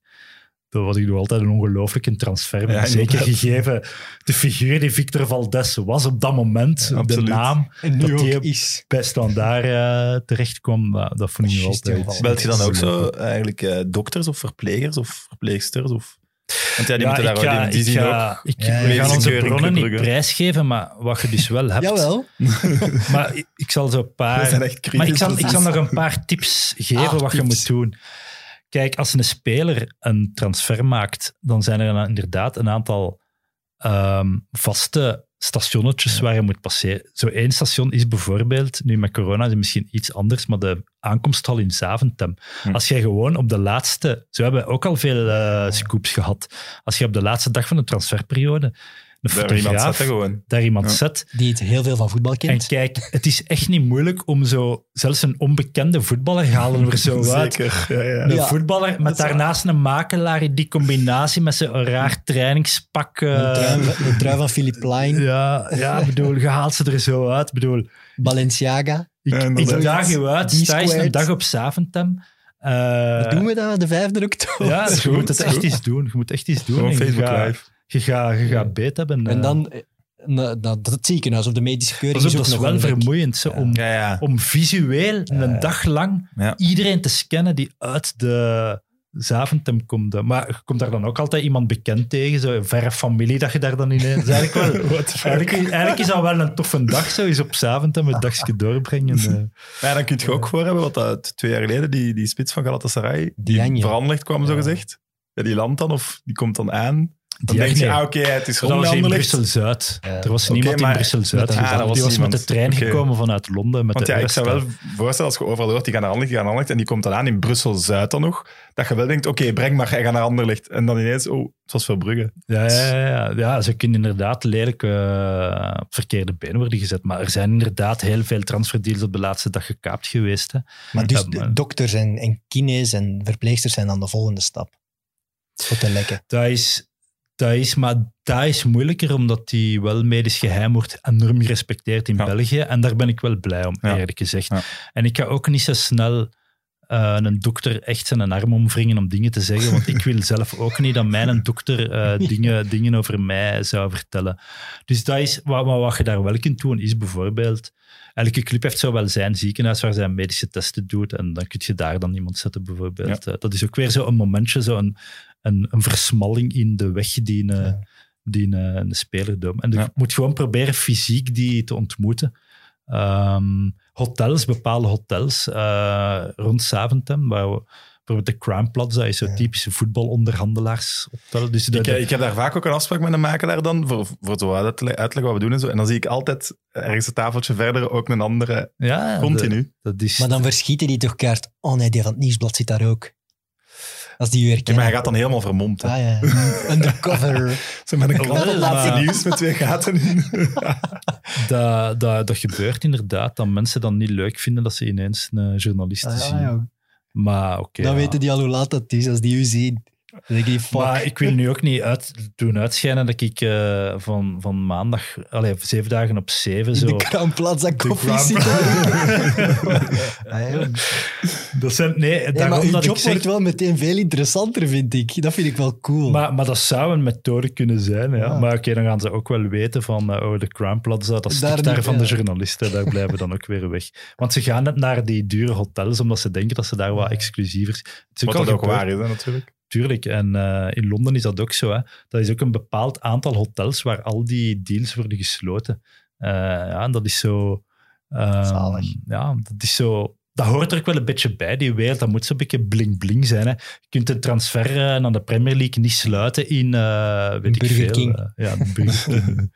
of de Nando's. Heb je zo eens iets gebracht waar je daarna dacht van, mm, dat is het randje, ethisch gezien dan, heb ik opgezocht, of- ethisch gezien? Ja, van, dat je daar niet goed, goed bij voelde. Dat kan een medische situatie zijn, dat kan iets van een bron, Iets maar dat je druk voelde van, ja, ik moet het wel brengen, terwijl je dacht, die bron gaat dat misschien niet appreciëren als ik dat toch breng. Of, Wat, wat je- wat je soms zo wel hebt, is van dingen die duidelijk privé zijn, maar op een bepaald moment toch een invloed kunnen hebben op ehm, functioneren bij een club, dat het dan wel relevant is om het te brengen. Ja. Maar dat je dat het verhaal niet Moeilijk, volledig kunt brengen, want er... En bijvoorbeeld een privé-situatie van de speler, waardoor dat die... ja, die Kepa blijkbaar, die is gescheiden en heeft superveel liefdesverdriet. Ja, Ja, dat heeft duidelijk invloed Ja. op, op hoe geconcentreerd dat kan Maar zijn. bijvoorbeeld Davino Verhulst was, zat ook, allee, was ook in zo'n situatie, die moest keepen en die zijn, zijn dochtertje, denk ik, die, die, had een, die zat nog in het ziekenhuis op dat moment. En dan is het, vond ik ook als media heel moeilijk van, ja, dat speelt sowieso mee bij die gast, ja. bij die zijn prestaties. Je weet dat, maar je twijfelt toch om dat te brengen, denk ik. Ja, dat zijn de moeilijke kwesties. Hè. Dus dat is echt ehm, afwegen, afwegen, afwegen. Je kunt, maar dat is in het algemene journalistiek zo. Dat was ook zo met, Mhm. die, met die bepaalde gelekte video's van BV's. Dat is net hetzelfde. Hè. Iedereen krijgt die... Allee, niet iedereen, eh, gelukkig, maar... Maar eh, jij wel. Iedereen, iedereen normaal dan.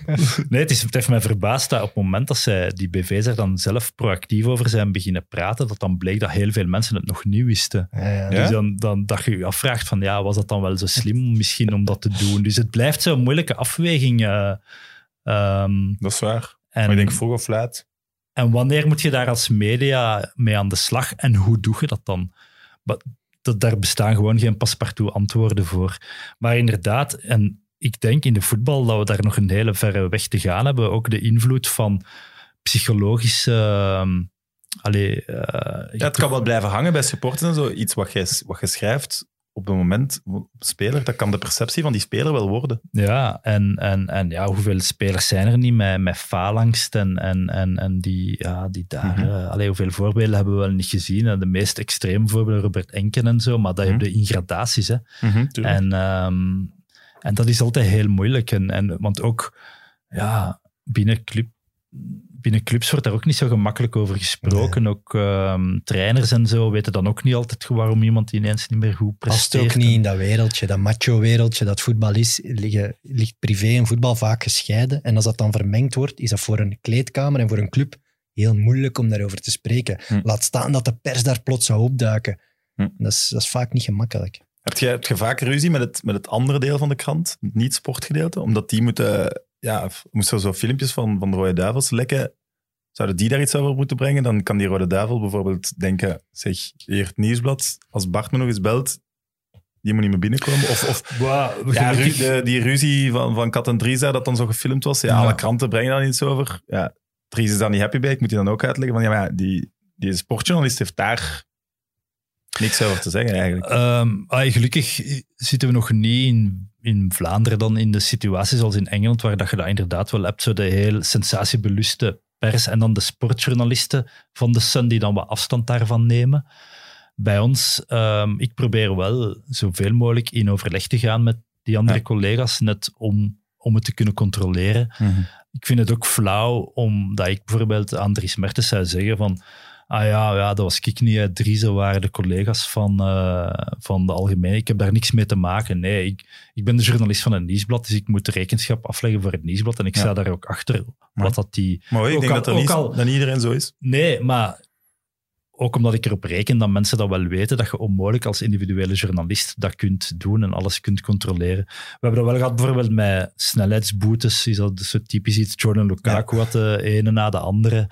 Ja, oké. eh, Rondrijden zonder rijbewijs. ja, uiteindelijk zijn dat wel echt overtredingen die begaan zijn en die, ja, bedoel, ja, er komt, wij doen ook rechtbankjournalistiek en als je dan een bekend iemand zijt, ja, dan komt je iets sneller, ja, dan moet het er maar bij pakken. Hè. Mhm. Toen Jonathan Lejar zijn eigen te pletten reed, was, het, was dat ook zo van, ja, moeten we dit wel... Maar ja, uiteindelijk, ja, Ja, je dat- kunt dat- wel... Dat, dat is een nieuw voorbeeld dat je niet kon verzwijgen. Nee, nee, maar in het begin was dat ook zo van, ja, eh, werd er echt druk uitgeoefend op, eh, op sportjournalisten om dan niet te groot te spelen. Maar ja, op een bepaald moment moet ik echt wel Ja. zeggen. Over Lachar heb ik wel nog een, nog een anekdote. Dus ik, ik had lang, lang, lang geleden had ik een vriendin in Londerzeel. En dan moest ik altijd voorbij de Carré. En die, was daar, die had daar op de parking toen, en op een nacht reed ik naar mijn vriendin. Die had dan bras gemaakt op de Carré. Parking blijkbaar. Die was weggereden. Die gast was erachteraan gereden. En vlakbij waar mijn vriendin woonde, in een van die kleine straatjes, was Lejar uit een bocht gevlogen. Juist toen ik daar passeerde. En ik zag daar zo een staan naast een witte, een witte Porsche Cayenne, denk ik, of een witte BMW. Het klinkt als de oude van Lejar, maar... En dat was Lejar, die stond er gewoon stil tegen een muur, zo te staan tegen zijn auto, in het midden van de nacht. En dat was nog voor dat tankstation. Voilà. Tot Ja. daar mijn Lejar. En dan zijn je dan uitgestapt om die te Nee, helpen? nee, ik dacht, oh, die, die, dat kan toch niet dat dat echt Lejar is. Maar het was hem dus. Ja, die herkent je natuurlijk ook wel Ja, die verkende van heel ver, zo met zo'n witte broek met gaten in. Eh, moet, moet de Clubwatcher ook de, de, de vrouwen volgen? Nu, nu dat het zo in de lift zit en er meer en meer over geschreven. en Nee, dat moet Nee? niet. Dat is niet verplicht. Maar ik probeer wel... eh, want Leo van der Elst vind ik persoonlijk wel zeer sympathiek persoon. En eh, hij is een trainer van Club Brugge. Dus eh, als ik die zie, vraag ik er zo wel eens naar. Maar als je me nu vraagt, wat was de uitslag van de vorige match, moet ik dat wel het antwoord op schuldig blijven. YLA Wat is dat, hè? vrouwenvoetbal eh, betreft, Ja, ja. ik denk wel dat daar een enorme toekomst in zit. ehm, op alle vlak. Allee, ik denk dat binnen twintig jaar dat dat gewoon niemand daar een, dat dat ook geen discussieonderwerp is van moet dit evenveel dingen aandacht besteden. Al ik denk echt wel dat, dat, dat we daar naartoe kunnen gaan. Eh, maar dat En- is een lang proces en ja, ik moet ook zeggen van ja, dat moet, dat moet groeien. Hè. Je kunt dat niet forceren, ook zoiets. ehm. En, die, en die Club Next nu? Die nu in 1B is, heb je dan zo'n een assistentje gekregen die... Die, Die naar meehelpt? Lokeren Ja, nee, maar je hebt ineens wel twee, twee bijna volwaardige Ja, ploegen in profvoetbal. opslag gevraagd. Hè. En, eh, ja, ik moet nu Dat altijd aan dak nee. nam voor al die thuismatchen. Nee, dat is ook iets ehm, dat, ja, een nieuw gegeven. Ehm, hoe moet je daarmee omgaan? Is dat nu plots zoveel belangrijker? Ehm, Ja, ja, toch. ehm, Is Club Next, als die een match spelen, nu niet belangrijker dan de Anderlecht U21? ja, wel, ja, sowieso. Ja, tuurlijk. Ehm, Ik vind die een trainer wel een figuur. De Rick, Rick de... Ja, de Rick de ja, ja. Wel, ik, ik, ik, ik zou die inderdaad wel eens willen interviewen. Ehm, maar we zijn er even mee aan het wachten, want we willen ook een beetje zien wat geeft dat nu in 1B. Ze hebben nu altijd nog geen match kunnen winnen. Maar ze Ehm, gaan wel niet zo hard af als ik dacht. Maar Nee, nee, helemaal niet, want er zit wel week, maar- kwaliteit. Ja, eh. voilà. Ik denk dat die, dat die groep echt enorm vooruitgang aan het maken is. Mhm. Dat dat echt ongelooflijk succes... En ik denk dat Anderlecht en Genk wel, wel terecht geambeteerd zijn dat zij dat voorrecht niet hebben. En dat is eigenlijk een van de straf... En dat, ze, dat is iets dat nog rap rap beslist is geweest op die laatste vergadering van de Pro League, om op die manier het probleem... Het was in de onderhandeling heel slim van Brugge om het op het einde aan te bieden van oké, we gaan akkoord als... Ja, Dat is Mannaert, een, eh, Mannaert heeft het set briljant van. Mannaert geweest, ja. maar nu moeten we wel zeggen, als Anderlecht U21, met die, die jongens die zijn 14, denk ik. Want, ja, nee, Ja, want de die, U21 ja. spelen nog zelfs in de Die A-ploeg. spelen bijna met Dat duiveltjes. is toch nog een verschil. Ja. Ja, maar bij, bij clubs zijn ze ook jong. Hè. Die worden, worden, worden, Ja, dat ook steeds jonger. Hè. En omdat inderdaad, ja... Onze A-ploegen worden ook steeds jonger. Heb ik het gevoel. Want Ja, maar Club Next wou Kilian Overmeijer nog aansluiten. Hè. En dat kon dan niet door die extra regeltjes. Maar ze zijn er wel mee bezig om te kijken hoe kunnen we op de juiste manier daarmee omgaan. Ik vind in het algemeen ben ik geen voorstander van ehm U21-ploegen in het profvoetbal, want ik vind dat 1B eigenlijk als Niemand, hervormd niemand. moet worden als, als deftige competitie. Maar ja, dat neemt niet weg dat op dit moment is dat wel een gouden zaak voor Club Brugge dat ze, dat ze hun, eh, hun spelers het is, daar het hebben is dubbel. Dat was, is het, hè, eh, vanuit Club, ja. op restaurant met twee ex-ploegmaats van Dries dan, die, die, die ik zo ken. En die hebben het zo net niet gehaald. En het ging dan daarover. En ik zei, ja, al die jong ploegen in, in de keukenkampioen-divisie, wie weet, waart je wel nog profvoetballer moesten die dingen niet bestaan. En die waren er toch ook wel heel dubbel over, want het Nederlandse voetbal heeft er wel van geprofiteerd. Of de nationale ploeg dan vooral. Maar, waar ik- er zijn zoveel dingen waar je dan toch vraagtekens bij hebt. Bijvoorbeeld ook van ja, competitiebeïnvloeding in Nederland is daar toch ook altijd gedoe over. En Terecht ook. daar willen toch ook zo ver mogelijk vandaan blijven van die verdachtmakingen. Daar hebben we al genoeg van in het Belgisch voetbal. Dat is één ding. Eh, maar ook puur eh, ons 1B-voetbal is echt een goed niveau. Ehm, Ja, maar is een goed niveau omdat het, omdat het ziek is. Dus je kunt, je kunt er veel meer jongeren in laten doorstromen als je het helemaal hervormt en er toch Maar ik eh, vind wel, als dat clubs je moet, eh, beter mee je moet omgaan. de- die 1B jeugdploegen wel niet lager zetten. Financieel is dat helemaal kapot en daarom kan die jeugd daar niet mee. Maar de jeugd kan het van mee. Hè. Ik denk Hm. dat je moet die gewoon wat tijd geven. Jong Ajax was ook niet het eerste jaar goed in die keukenkampioen-divisie. En na drie of vier jaar zijn ze Ja, maar de keukenkampioen-divisie heeft een veel lager niveau dan 1B, hoor. Ja, dat is waar. Maar ik vind wel, we kunnen ze moeilijk in derde of vierde klasse gaan laten meedoen. Hè. Maar gewoon in een beloftecompetitie. Maar ja, nu zijn we weer in die discussie. Maar als het over de... Want ik zag vandaag dan de selectie van de Rode Duivels. Ja, dat is... Heel veel spelers hebben een Anderlecht verleden of opleiding bij Anderlecht gehad. Echt wordt meer en meer ook, heb ik het gevoel. Je merkt wel dat Club Brugge daar, daar echt iets aan het proberen te veranderen is. Ze zijn ja, vol een bak aan het inzetten om die jeugd op hetzelfde niveau te brengen. En daar hebben ze nog een lange weg te gaan. Omdat Anderlecht heeft nog altijd die naam mee. Maar eh, als ik nu zie wat Club Brugge doet... ehm, Ze heel- krijgen ook kansen in de A-ploegen. Ja, en, en ook heel jong eh, in heel België spelers halen. Ehm, denk ik dat dat niet lang gaat duren. Of dat, dat is echt eh, hetzelfde niveau. Maar van de Ehm, Keibus bijvoorbeeld maakte ze een officiële debuut. Ja. Heb je die dan al veel aan het werk gezien? Ja, die heeft gespeeld eh, op stage tegen Ajax, geloof ik. Ja. En gescoord. En dan eh, wel, Centrale middenvelder. ja, in Ja. Qatar eh, was dat. En toen zat ik met hem toevallig op de bus, op de luchthaven, zo, je weet wel, om naar Shuttle, de, terminal, ja. de shuttle. En dan met hem zo wel eens een klapje gemaakt. En dan blijkt dat, dat hij een sympathieke Antwerpenaar is, eh, met een verleden op het kiel. Oké. Dus, eh, dus dan, dan denk ik dan, ja, dan Clement, u goed gezind en zo. Ja, ja. Nee, dat was een. Ik denk nu niet dat dat de reden is dat hem wordt voorgetrokken. Ehm, maar ja, dat, is wel, allee, dat was wel een gast die... Ik denk dat dat een clevere gast is op Ja. veel posities aan kan.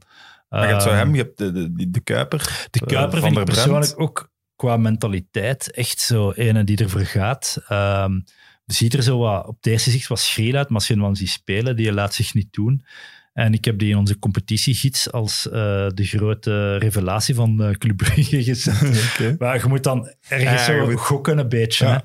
En je wilt wel zo'n straffe dat als dat uitkomt, dat Ja. je kunt laten zien, hey, Dus, eh, maar hij was helaas geblesseerd begin van het seizoen. Maar ik reken dus nog op Maxime de Kuiper, ja, aan de linkse poot. Dus, En die van der Bremt, die volgens wel, voetbalmanager, is dat een beste. ja, die was er al vorig jaar al bij Ja. en afgeremd door blessures. Eh, ja, kan ook iets. Hè. Nu, allee, ik vind het eh, chapeau van Clement dat hem die mannen echt speeltijd geeft, ook vorig seizoen al. Hm. Ik denk ook niet dat het toevallig is dat hem dat ook zo doet in Champions League. Want bijvoorbeeld Maxime de Kuiper, die heeft geen enkele officiële minuut in de Jupiler League, maar wel in de Europa League, wat toch vrij straf is. Ja, klopt. Maar dus, dat is ook denk ik wel een zet om, ja, ik zeg nu niet marktwaarde kunstmatig te verhogen, maar wel om die mannen zo wat ja, versneld te brengen, dat die snel de dingen oppikken. En ik denk dat ze de Champions League, afhankelijk van de loting en hoe dat gaat evalueren, ook weer opnieuw. Tuurlijk. Die gasten, eh, zeker een Charles de Ketelaar, kijk ik echt uit de Champions League. Dat is echt zo wel Ja. een, eh, een podium waar dat je wel eens, eh, iets kan laten zien. En hij is aan het komen qua vorm, de Ketelaar. Je ziet dat hij ook iets later gebracht is geweest in het seizoen. Dus ik denk, allee, ik verwacht er veel van, eerlijk Ja. gezegd. Ja, wij, wij vragen iedere keer als we, als we weten welke gast we hebben aan de fans om vragen in te stellen. We krijgen er heel veel over, over proper handen dan, om er dan over te beginnen. Ja, je, je wordt je gaat niet beschuldigd, klinkt Ja. te zwaar, maar er werd, werd gezegd dat je met twee maten twee gewichten schreef. Maar ja, ik vind, eh, sommige dingen. ik Nu- vind het wel leuk dat ik de kans krijg om daar even op te reageren. Eh, ik kan ook zeggen, ook aan Evert trouwens, dat is in mijn jeugd de ploeg waar mijn vader mij naartoe bracht om te gaan kijken, dat was KV Mechelen. Oh, kijk, het is gewoon de club wij- van alle. Wij, wij, Ah, nee, nu krijgen we daar weer commentaar op. Dat was dat had puur met geografie te maken. Mijn pa was een beetje een successupporter en die zei, ah ja, er is hier een ploeg niet zo ver van Leuven die het goed doet. Eh, dat was de periode, Stade Leuven ging dat periode. Cordier. Stade Leuven was toen rampzalig. Dat waren als tienjarigen niks meer. Dat was trouwens letterlijk onze achtertuin, want wij woonden op de Dreef. Ah ja, voilà. Kardinaal Marcelaan, 26. Met, die eh, appartements, met ja, wij wonen eigenlijk tussen de Delijze, het appartementsgebouw, en, Oh, de, en eh, het veld van nu OHL, toen Stade Leuven. Ehm, maar die hebben maar één deftig seizoen gehad in tweede klasse. Het laatste jaar dat A Gent daar spelen, 89, nee. Voor de rest heb ik die eigenlijk niet gevolgd. Eh, maar KV Mechelen, is daar, daar gingen we dan naar kijken. En eh, ik heb daar ja, als kind gewoon sympathie voor gehad. En ik was eigenlijk des te geschandaliseerder toen, toen dat uitkwam. En ik vond dat echt... En dat waren ook de eerste reacties van KV Mechelen supporters zelf. Herinner je dat filmpje dat ze opnamen, dat die gasten van... Ja, ik heb hier zoveel geld in die club gestoken en dan komen die paljassen. En dat is helemaal gekeerd. En- Maar waarom zegt je dat nu? Omdat je harder bent geweest voor KV Mechelen? Nee, ik zeg dat nu om te zeggen dat je mocht me er niet van verdenken dat ik KV Mechelen zocht. Integendeel. Ik vind net... Ik ben eigenlijk een beetje verwonderd dat de supporters zo snel zijn meegegaan in het verhaal dat nadien is opgehangen dat eh, de bond KV Mechelen te zwaar heeft aangepakt. We- ik heb het gewoon journalistiek bekeken. Eh, op dit moment heb ik niet speciaal sympathie meer voor een bepaalde ploeg. Dat kun je ook niet permitteren. En er zitten gewoon toffe gasten en klootzak, om het zo te zeggen, bij elke club. Ja. Ehm, en bij KV Mechelen ehm, was er dan wel zo'n beweging van eh, ja, de pers is tegen ons. Maar nee, het enige wat wij gedaan hebben, is de feiten die er waren gebracht. En ik nodig nog altijd iedereen uit om eens op de website van het BAS al die telefoongesprekken van die bestuurders, van Steemans en zo, met Velkovic, maar Staan ook die met daar gewoon zo Somers. Ja, je Ja, kunt die nalezen. Ja. En, eh, en ja, lees dat eens onbevangen. En welk beeld komt daar voor, voor u naar voren? En voor ons was dat heel relevant. En je kunt zeggen, moest Kroon zijn grotere schoemelaars? En dat was ook mijn eerste gedachte. Maar daarvan hebben we de bewijzen nooit gehad. En misschien ofwel omdat er niet gesjoemeld is, ofwel omdat ze er niet zijn, eh, de bewijzen. Ehm, maar ja, moet ik dan niet over KV Mechelen schrijven, omdat ik denk dat het bij moest Kroon? Nee, ik moet Nee, als journalist moet ik gewoon de zaak Mechelen doen. En ik was wel ehm, erg Maar- verwonderd hoe nieuwe investeerders, zoals een Olivier Somers en zo, waarvan, waarvan je kunt zeggen, oké, die heeft een einde gemaakt aan die Velkovic-periode. Maar ja, om dan uiteindelijk, toen hij in degradatienood kwam, Mhm. toch weer zich te richten tot die mensen in paniek waarschijnlijk. Misschien wel een begrijpelijke reactie, maar ik vond dat hij er dan toch niet zo gemakkelijk mee kon wegkomen. Ja, dat klopt. Ehm, we zien nu Dieter Pennings, ja, die, die is niet in opspraak in propere handen. Ehm, ja, omdat er niks is tegen hem. Maar ja, oké. eh, dus je kunt niemand beschuldigen. nee, nee, nee, tuurlijk. Ehm, maar je ziet nu wel dat hij in een ander dossier wel nu in de, in de gevangenis zit. Ja, je bent opvallend stil, eh, Evert, als, nee, als, ik vind als ook- spreekbuis van de KV Mechelen Ik vind, ook, allee, ik vind nu net inderdaad, vind ik ook van, allee, Bart Laga, dat is zo'n naam die de laatste twee jaar op elk KV Mechelen forum door het slijk is gehaald en wordt neergezet als de grote boeman. En dat vind ik ook totaal onterecht. Hè. Dat, dat heb ik ook altijd verdedigd. Ik snap niet hoe de KV Mechelen van, zoals Bart het zegt, eh, helemaal is meegegaan in het riedeltje van the press is the enemy en alles wat er hier nu plots over de club verschijnt klopt niet en dat zijn leugens. Nee, dat, je moet als supporter daar nog altijd objectief naar kunnen kijken en je bent best wat meer kritisch voor je eigen club dan omgekeerd. En inderdaad, zoals Bart zegt, op een gegeven moment komt dat dossier uit, krijgt hij via bronnen al die tabs, ze schrijven daarover in de krant en in plaats van deftig te gaan kijken wat er daar allemaal in staat en wat onze bestuursleden misschien hebben mispeuterd, nee, gaan ze de boodschapper aanvallen. Ik heb dat nooit goed begrepen, echt niet. Dus ik, ik steun Bart erin en ik vind ook dat hem dan zijn uitleg daar zeker over mag doen.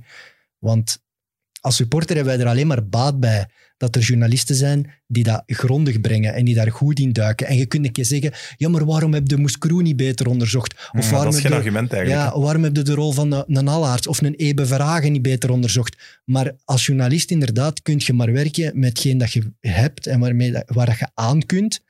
En dat was in dit geval heel veel KV Mechelen. Dat is niet de fout van Bart. Hè. Dat is vooral de fout van de mensen binnen KV Mechelen die hebben liggen sjoemelen. En je moet toch ook niet altijd over het zwaarste schrijven. Het is niet omdat er iets zwaarder is of iets fouter Nee, is, dat je daarover moet schrijven en niet over een ander. Eh, nee, maar dan, dan krijg je bij de KV Mechelen van, we worden gezocht. Dan denk ik, jongens, dat is helemaal niet waar. KV Mechelen wordt in het voetbaluniversum niet gezocht. Hè. Allee, dat zijn van die fabeltjes. Nee, ja, maar ik snap, ik snap dat. Elke supporter heeft een tunnelvisie. Ja. En die mensen zijn gegijzeld door de situatie. Hè. Want zelfs mijn eigen vader, eh, ik, ik vraag hem dan van, ja, wat vind jij daar nu van? En hij zegt, ja, maar toch, eh, bijvoorbeeld, eh, toen de zaak was, moet KV Mechelen in 1A of 1B.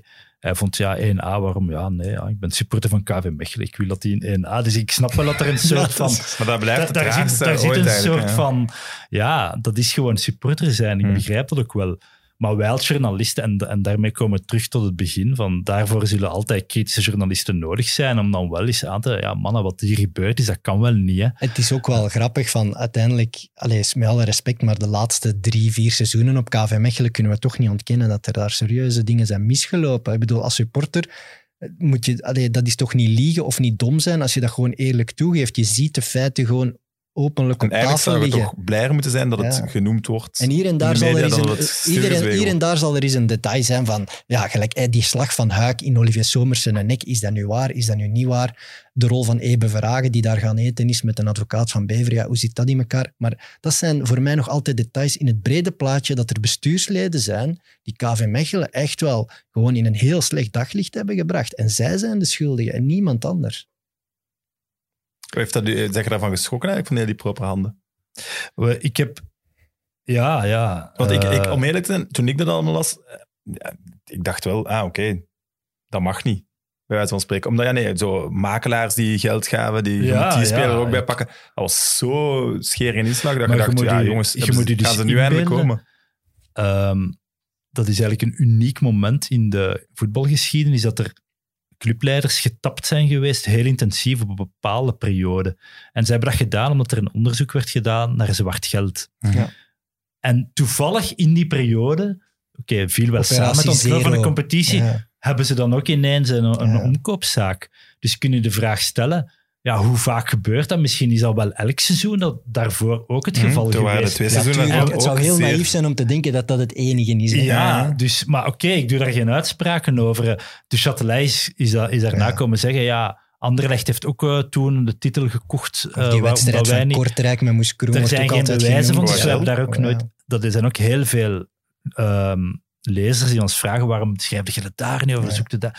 Wij willen wel, maar wij, wij, daar vinden wij de bewijzen niet. En, en doet dat dan maar eens gaan zeggen van, ja, Anderlecht heeft die een titel gekocht. Ja, nee, want de nee. Heeft dat gezegd. Ja, Ja, nee. nee. En jullie al- kunnen geen telefoons gaan aftappen. KV Mechelen heeft de pech tussen aanhalingstekens dat ze daar wel echt alles hebben. En je kunt dan zeggen, Moji Bayat had men ook verwacht veel meer te vinden, maar die, al die communicatie ging via WhatsApp, daar hebben ze moeilijker toegang toe gekregen. Het is natuurlijk ook veel o- om, om, omgevingsbewijzen. Het gaat over eh, de keuken is besteld. Het gaat over dat soort dingen. Het gaat over dingen. Was Olivier Somers wel op de hoogte of niet? Want daarom breekt misschien de smoking gun. Dus het gaat als over je, de totale context van begint het verhaal. spreken, dan je... En er zijn ook... Dat, dat zijn, het is eigenlijk bijna komisch, hè, want eigenlijk zou je kunnen zeggen dat KV Mechelen duidelijk niet gewend was om, eh om koperij te doen, want alles was zo van, ja, ik Ja, bel met een ander nummer, ja. want je weet nooit, hé, hè, je weet wel wat ik bedoel. Hè, dat zo vind ik wel- keer, dat dat, vind ik- staat daar allemaal letterlijk in. Ja, dat vind ik wel je een bewijs dat ze misschien wel al, al vaker van die dingen hebben gedaan. Als je iemand Nee, hebt die Ja, vaak van telefoonnummer wisselt, dat vind ik toch verdacht. Ja, dat weet ik Dat dus vond ik niet. als supporter het ergste. Als je begint te zeggen, ik ga van nummer wisselen, de keuken is besteld. Dat zijn zinnetjes die mij superveel pijn doen, omdat je dan weet, dat stinkt langs alle kanten. Want zo praat ik niet met u of met Terwijl, u. terwijl ik ook nog altijd denk dat misschien dat dat allemaal, eh, zoals welke film is dat nu weer, dat ook zo alles in de hoofd van de criminelen zich afspeelt. Dat Velkovic dat verhaal allemaal, kan. usual suspect, Ja. dat, dat Velkovic dat allemaal heeft verzonnen Dat kan, om dat kan. anderen te doen ja. geloven dat hij erachter zat. Dat moest Ja. KV Mechelen zich redden, dat, het- hij ja. achteraf de lof op zijn Kan. ding. Daar hou ik ook nog altijd Ja. mogelijk mee, dat het puur Maar dat een verandert de intentie van, van Steemans en zo zeker niet. Hè? De Nee, intentie en- blijft en daar. Steemans is ook met, eh, allee, met mensen van Waasland-Bever gaan spreken en, enzovoort. Dus ja, er is wel... er Maar is zeg je, wel- je daar nu nog eh, mee bezig met een onderzoek daarover? Of om, om als... Eh, het is niet zo dat ik van 's morgens vroeg tot 's avonds laat eh, daar eh, geheime documenten... Nee, maar zou dat wel wij, willen. Wij, wij, volgen, wij volgen dat wel op. ehm, want ja, die zaak is nog niet ten einde. Hè, ja. Je ziet nu ook, er is niet. het onderzoek in Hasselt, maar dat is een beetje stilgevallen. Maar het gaat nog door. Maar nu heb je in Brussel een nieuwe kern Uh, dus waarin uh, Frenet nu is uh, gearresteerd. Wat eigenlijk veel grotere makelaars zijn. Frenet, Henrotet. De Koster hoort dan een beetje bij Frenet. Maar dat is wel niet vergelijkbaar, ook niet qua niveau. Ik denk dat Frenet en Henrotet toch, dat gaat over tientallen miljoenen. Ja, maar dat is puur, ja, waarschijnlijk. Allee, dat weten we nog altijd niet wat dat juist is, maar dat gaat dan over zwart geld en zo inderdaad. Hè. En de publieke opinie staat natuurlijk een stuk coulanter tegenover dat soort uh, zaken dan tegenover uh, omkoperij. Die matchfixing was echt, was echt het extra druppeltje waardoor je plots naar een megapubliek aan het spreken waart. Dat was entertainment. Mhm. Matchfixing, alle voetbalsupporters springen daarop en terecht, want dat is iets wat ons in het hart van het sportieve raakt. Dus ik vond dat ook niet meer als normaal dat dat plots zo groot werd en dat alle fans nu uh, een, beetje, een beetje lachen met KV Mechelen. Ik vind dat allemaal niet erg. Ik vind dat terecht. Wij als club moeten zelf schoon schip maken. Maar wat ik mij wel, wel uh, afvroeg is... Het leek wel het scenario van een, van een slechte B-film, Ja, Heel die daar is zeker zo eens een aflevering van Witsen over gemaakt worden. Ja, klopt. Nee, maar ik, ik hoor bijvoorbeeld in de wandelgangen dat Velkovic een groot interview heeft gegeven aan een bekende Belgische sportjournalist. Zeg jij dat dan? Uh, nee, dat ben ik niet. Want er zou... En gaat hem nu met een slecht gevoel naar huis laten gaan. Niet, nee, nee, maar ik heb er heeft een concurrent van u een super exclusief interview. Nee, maar dat is niet super exclusief, want ik denk dat hij met iedereen zal mijn babbelen. Mijn eergevoel is eigenlijk niet zo groot. Misschien moet ik, moet ik me daar nog slechter bij voelen. Maar, maar daar verwacht ik, dan wel iets van, van dat uh, interview. Nee, dat, dat klopt. Dus uh, ja, de biecht van Velkovic gaat vroeg of laat Ergens in de komende worden. maanden komt dat dan online. Ja, uh, want uiteindelijk heeft hij nu met gerecht dat gedaan en dat verhaal gaat ooit eens gebracht worden. Um, en ja, ik ben eens benieuwd wat er allemaal... Uh, hij heeft in de deal is voorzien dat hij het volledige verhaal moet vertellen. Um, ja, als hij dat niet doet, dat hij dan wel zwaardere straffen krijgt. Ja. Ja. Er zou zijn afgesproken ook dat uh, het volledige interview online zou verschijnen. Op vraag van beide partijen, maar waarschijnlijk vooral op vraag van Velkovic. Ik weet niet, het duurde drie Om uur geen... of vier uur.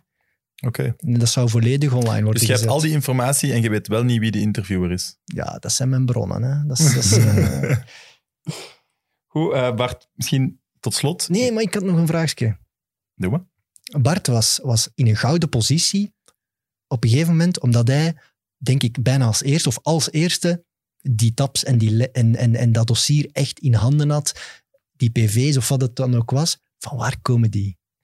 Ja, dat, die, die komen van. Achteraf is gebleken van, politie, van goede bronnen. Hè? Achteraf gebleken bleken dat goede bronnen te zijn geweest. Hè? Hij, Ja, zijn, hij is- moet zijn bronnen nee, ook niet tuurlijk, prijsgeven. maar ik kan maar, ik kan maar proberen. Tuurlijk. Ik vind dat heel interessant. Hoe komen die bij u terecht? Eh, Hoe, of zijn jij die actief gaan zoeken? Ah, Ik weet, Ja, uiteraard. eh, als zoiets gebeurt, ga je wel als journalist op zoek. Dat, dat kan ik je wel bevestigen, maar ik kan niet zeggen wie, wie de bronnen zijn. want- bijvoorbeeld, er wordt dan tegen mij eh, eh, gezegd uit... eh, Uw goede bronnen dan? Nee, nee, dat zijn helemaal geen goede. Dat kunnen ook gewoon roddelaars zijn. Het is blijkbaar heel makkelijk om griffiers om te kopen daarin.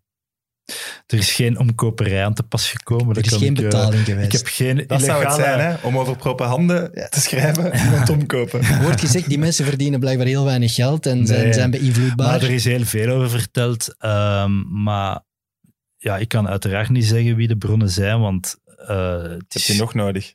het- ja, en die mensen, allee, dat is gewoon Die het een van de ja. journalistiek. is, Tuurlijk, Ja. tuurlijk. je moet die bronnen kunnen beschermen. Ehm, ik wil vermijden dat die mensen. Allee, Ja, daar moet maar eens een voetbal, eh, voetbalsupporter voor Ja. zijn deur staan. Hè? Het is dat. Maar ehm, allee, wij hebben journalistieke methodes om aan dingen te geraken. En dat heeft niks met omkoperij of allee, en dat is allemaal legaal. Dat, daar kan ik je wel in eh, geruststellen. Ehm, maar ik zeg het nogmaals, alle tabs zijn nu voor iedereen raadpleegbaar Ja, ja. op de website van het BAS. Hè. Dus soms denken mensen, ah ja, dat zijn hier die geheime documenten. En dan blijken die helemaal niet zo geheim te zijn. maar Natuurlijk, toen jij ze is- schreef, was het wel nieuws. Hè? Toen had ja, niemand ja, ze. dat was Maar alle, wel, ja. alle tabs, eh, ik me dan afvraag, want dat gaat over Mm, bijna nee, twee ik jaar. Heb, ik, heb Ah. geen, ik heb nooit een geluidsfragment eh, Ah, oké. Want ik want dat, dat maakt dat ook toch deel uit, zijn? dat maakt ook deel uit van een gerechtelijk onderzoek. En, en dat is inderdaad, daar, daar botst de wet zo wat met elkaar. En dat is een eeuwige spanning tussen het geheim van het onderzoek en ja, het recht van journalisten om Tuurlijk. via journalistieke methodes dingen te weten te komen. Maar ik vond dit nu wel heel relevant. En uiteindelijk heeft het gerecht dat ook wel gevolgd. Je hebt dat ook gezien, dat ze, het parket heeft een deel van het dossier ter beschikking gesteld van de voetbalbond om de zaak voor Dat de blijft, Omdat ze eh, ook wel weten, het gerecht gaat Ja. zo traag. Maar dat blijft een heel verdag, allee, raar Ja, iets, maar- vind maar ik, vanuit ze het dan gerecht. ge-. Ja, maar als Waarom ze dat doe niet hadden dat? gedaan, dan, dan had KV Mechelen nooit gestraft kunnen worden door de voetbalbond. Ja, maar ik- nu dat volgend is de makkelijkste verdediging van al die verdachten in het KV Mechelen-dossier om te zeggen, ja, maar ja, jongens, jullie hebben daar geoordeeld met een fractie van het volledige dossier, dus dat is totaal niet... Ja, Ja, maar dan zouden ze eigenlijk volgend, volgend, En dan- volgend dan- jaar pas gestraft Ja. worden. Maar ze zetten zich wel Ja, maar ja. open voor Maar waarom zouden, niet, waarom zouden niet gestraft kunnen worden op basis van een fractie van dat dossier? Omdat je de rest toch ook moet kunnen inkijken. als je maar zo nee, beschuldigd als dat nu genoeg bewijslast Ja, bevat vind ik om veroordeeld te Ja, maar en als er, en als er eh, bewijslast dat décharge is in de rest van het dossier, dan moet je dat niet gebruiken. Maar Ja, Ian maar zei- als jij zegt gaan pikken in een winkel en ze, ze betrappen u op het stelen van een bus melk, een pak condooms en wat koekjes. En zeggen, ja, maar, klassieke, maar hij heeft maar hij heeft, nog, hij heeft nog andere dingen gepikt ook misschien, maar dat weten we niet. Dus hoe Ja, kan nee, hij dan daar... Of Nee, nee. à la décharge. Ja, hij, voilà. heeft, hij heeft goede Hij heeft ja, hij heeft eh, de flessen, de flessen daarna daarna, mooi, ja. mooi met het etiket naar de Ja. klant gedraaid of zo. Ja. ik vind het, een hele, ik vind het vanuit, vanuit het gerecht gewoon een hele gevaarlijke, want je zet je heel die tijd open voor die procedureslag. Namelijk, op een gegeven moment komt wel heel dat dossier in de openbaarheid en dan gaan ze daar terug opnieuw over beginnen, hè, over wat er bij de voetbalbond allemaal is Ja, maar uitgesproken geweest. ongetwijfeld Ja, gaat dat terugkomen. Ja. En ze mogen dat doen, dat is ook Mhm. het recht van de verdediging. Ja, ja. En ik vind ook dat iedereen heeft dat recht en moet dat ook vol een bak benutten. En het laatste, wat ik ook als journalist die die zaak gevolgd heb zou willen, is dat iemand onterecht gestraft wordt. Dus ja, we leven gelukkig maar in een Maar, rechtsstaat. Maar ik vind ook wel dat je moet kunnen, of dat de voetbal... Ik ben eigenlijk super blij dat die mogelijkheid... Want herinner je de zaak J? Dat was dat ook. De voetbalbond zei, ja, maar we hebben niks, ja, we kunnen niks doen. En er zijn ook figuren mee weggekomen dat je dacht van, allee, ja. Ik vind het heel moeilijk om met fracties vanuit een juridisch dossier hè, te gaan werken in iets dat de voetbalbond heet. Dat Maar dat was toch eigenlijk in het voordeel van KV Mechelen? Anders gingen ze echt nu nog gestraft worden. Hè? Als, dat, als het dan effectief voorkomt en alles, alles Ja, maar wordt nee, daar- want eh, Ja, die, maar dan- verjarings, die verjaringstermijn die was dan toch al in ons voordeel. Ja, Die maar ja, ze- ze dan zijn nu dan ze al niet gestraft Nee, geweest. die anomalie in de KBVB. Maar dus dan jij je- voorstander van dat, dat, dat ze niet gestraft Nee, worden. nee, ik ben voorstander van het dossier in zijn, in zijn volledigheid te bekijken. Ja. Dat Ja, denk ja, ik nog maar altijd dat beste In de ideale wereld, Evert, is dat inderdaad zo. Maar je weet ook dat vind het ook goed dan opgelost. had de voetbalbond dan daar nooit iets mee kunnen doen. Nee. En dat gaat dan toch in enorm tegen het rechtsgevoel van een supporter van ja, dat de voetbalbond... Nu kun je nog zeggen, oké, de voetbalbond heeft geprobeerd er iets aan te doen, maar door hun eigen reglementen zijn ze gestrijd. Maar tenminste hebben ze dan dat reglement nu Ja. rechtgezet. Dat geeft ook een onvoldaan gevoel, maar dat kun je nog ergens plaatsen. Maar als het dan was geweest van ja, we kunnen niks doen, want zo is nu eenmaal het systeem, dat, is, dat zou dan echt wel bitter zijn geweest. Ik denk als, ja, maar je moet je ook eens in de plaats stellen van een verdachte die er wel misschien eh, echt Ja, maar zij, je, je, zit je, in, om je, in je een blijft zeggen dat situatie... ze gestraft zijn voor iets wat ze niet gedaan hebben. Nee, ze zijn wel Nee, nee, nee, op het nee, nee. Ze zijn gestraft op een onvolledig dossier. Door de voetbalbond. Door dan nog eens een instantie ja, die niet niet- over het volledige dossier beschikte. Dus dat is wel heel moeilijk, vind ik juridisch. Denk ik nog altijd dat daar kans ligt op een dat er daar zware dan niks over procedureslag. uitkomt dat, dat die verkeerde delen of dingen zijn achtergehouden. Want dan, dan is het helemaal ziek. Maar dat staat los van, van, van, van de verantwoordelijkheid hè, dat de KV Mechelen en die bestuurders moeten nemen, maar ook bij Waasland Beveren en nog bij andere clubs. Maar los Ja, van ik daarvan. denk dat hè. ze bij KV Mechelen en zeker bij Beveren ook niet te veel moeten klagen eh, over eh, hoe, hoe heel de uitkomst is geweest. Dat had veel erger kunnen zijn. Maar dat is Ook niet- Beveren, had ook eh, kunnen zakken. Hè. Die zijn ook, En dat is de frustratie. hè. Maar allee, KV Mechelen wordt nu zo wat ge- geshamed hè, als de omkoopclub. Maar inderdaad, normaal gezien, in een, in een, als je bewezen geacht wordt van omkoping, wat in deze zo is, namelijk hè, de geschillencommissie en het BAS heeft dat bevestigd dat dat bewezen is, dat je dan nog altijd in die competitie niet gestraft wordt, namelijk gewoon het eerste klasse voetbal, dat blijft absurd. Ik denk dat iedereen dat vindt. En dat je dan de beker niet mocht spelen, terwijl dat dan net de competitie is waar dat er niks is gebeurd, dat is helemaal absurd. Inderdaad, Dus die, ja. die, die oplossing dat het Bas daar bedacht heeft, dat slaagt echt op niks. Nee. Dat is een van de slechtste uitspraken, denk ik, dat ik ooit gezien heb. En in de- ja, als KV Mechelen eerst amateur had gezet, dan had dat na die uitspraken meer als terecht geweest. Hè. Dat blijf ik ook altijd zeggen. Als je bewezen geacht wordt van omkoping gedaan te hebben en je mocht promoveren, dat klopt niet. Hè. Absoluut. daar ben ik het ook helemaal mee eens. Eh, Bart, de- tot slot. Je bent vaak te gast in eh, de tribune.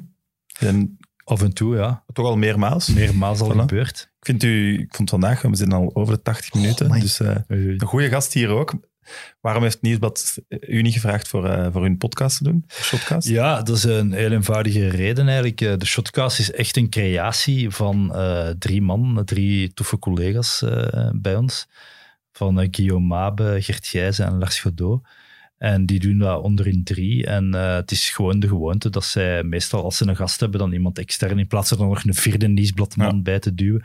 En voor de rest moeten we misschien aan hen eens vragen. Misschien dat ze mij wel een keer eens gaan uitnodigen ook. Ja. Eh, Anders blijven wij u uitnodigen. eh, Even voilà, goed. maar ik, Ik vond het zeer interessant. ik ik, ik eh, ja, Vilvoorde is voor mij toch wel iets dichter dan Antwerpen. dus eh voilà. Dus, eh, En mag ik nog een allerlaatste vraag stellen dan? Zijn ze met Club Brugge bezig met de match tegen Anderlecht? Of, ah ja, uiteraard. hè. Maar harder dan een andere match? Ja, dat is... Je moet je inbeelden, die speel- bijvoorbeeld, eh, ik heb er met Brandon Mechelen over gehad. Ja, die zijn bij Club Brugge groot geworden in die jeugdreeks. en was Ja. altijd de match van het jaar. Ehm, dus dat krijg je er niet zo snel uit, denk ik. Ehm, en ik Oké, denk dat dat bij Anderlecht eh ook wel zo is. We zijn niet alleen schrik van corona. Ja. Evert, jij nog iets toe te voegen? Ja, ik denk wel dat we deze week sowieso Miguel van Damme moeten vernoemen. Daar ben ik. Allee, dat heeft me zo aangegrepen. Dat was zaterdag, denk ik. Wij waren aan het, aan het draaien met ons productiehuis eh, een, een nieuwe documentaire reeks over jonge voetballers die het proberen te maken in het leven en, en die sport gebruiken om het te maken. En net op dat bericht, op dat moment krijg je zo dat... Ik deed mijn Instagram open en op die stories, iedereen had dat zo wat geshared, al die voetballers. En ik begon dat te kijken en het haar mijn Maar lichaam misschien ging gewoon recht staan. Is het, want dat gaan de meeste luisteraars gaan dat misschien niet weten. Toen wij elkaar leerden kennen, zeg jij ook ziek geworden. Ja, Toen je ja, eigenlijk ja, samen de ja, documentaire van Kevin De Bruyne en Dries maken, maar doordat je dan ziek bent geworden, is dat niet kunnen doorgaan. Maar ik denk niet dat iedereen dat weet. Nee, maar ik ben daar wel heel open over op Twitter. Allee, ik steek dat niet weg, want dat is een deel van wie maar ik niet iedereen volgt u op Twitter. Nee, dat is waar. maar daarom, ik, heb, ik heb zelf ooit drie jaar geleden, ongeveer dezelfde periode dat Michael van Dam voor de eerste keer leukemie, denk ik, kreeg, werd er bij mij ook eh, zware kanker vastgesteld. En dat was toen stadium 3 plus. En dat was van de vier stadia. En vier is eigenlijk zo goed als terminaal, eigenlijk alleen nog levensverlengend. En toen Michael van Dam aan zijn proces begon en ik, hadden we wel alle twee nog een curatieve behandeling. Dat wil zeggen dat je er nog van kunt afgeraken en dat je Mhm. daarna terug een normale Maar levensverwachting kunt krijgen. niveau? Of?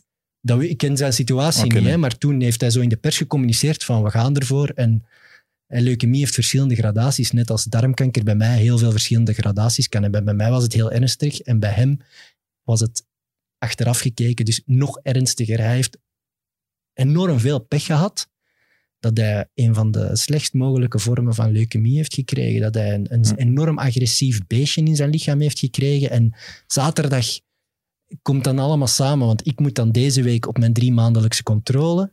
En ik, ik, ik heb me dan proberen te verplaatsen in die gast die dat dan ook op zo'n controle is moeten gaan. Hè. Die Van Damme, die gaat dan naar het ziekenhuis en die zegt, oké, je hebt een scan van mij genomen of een, of een Mhm. ruggenmergpunctie.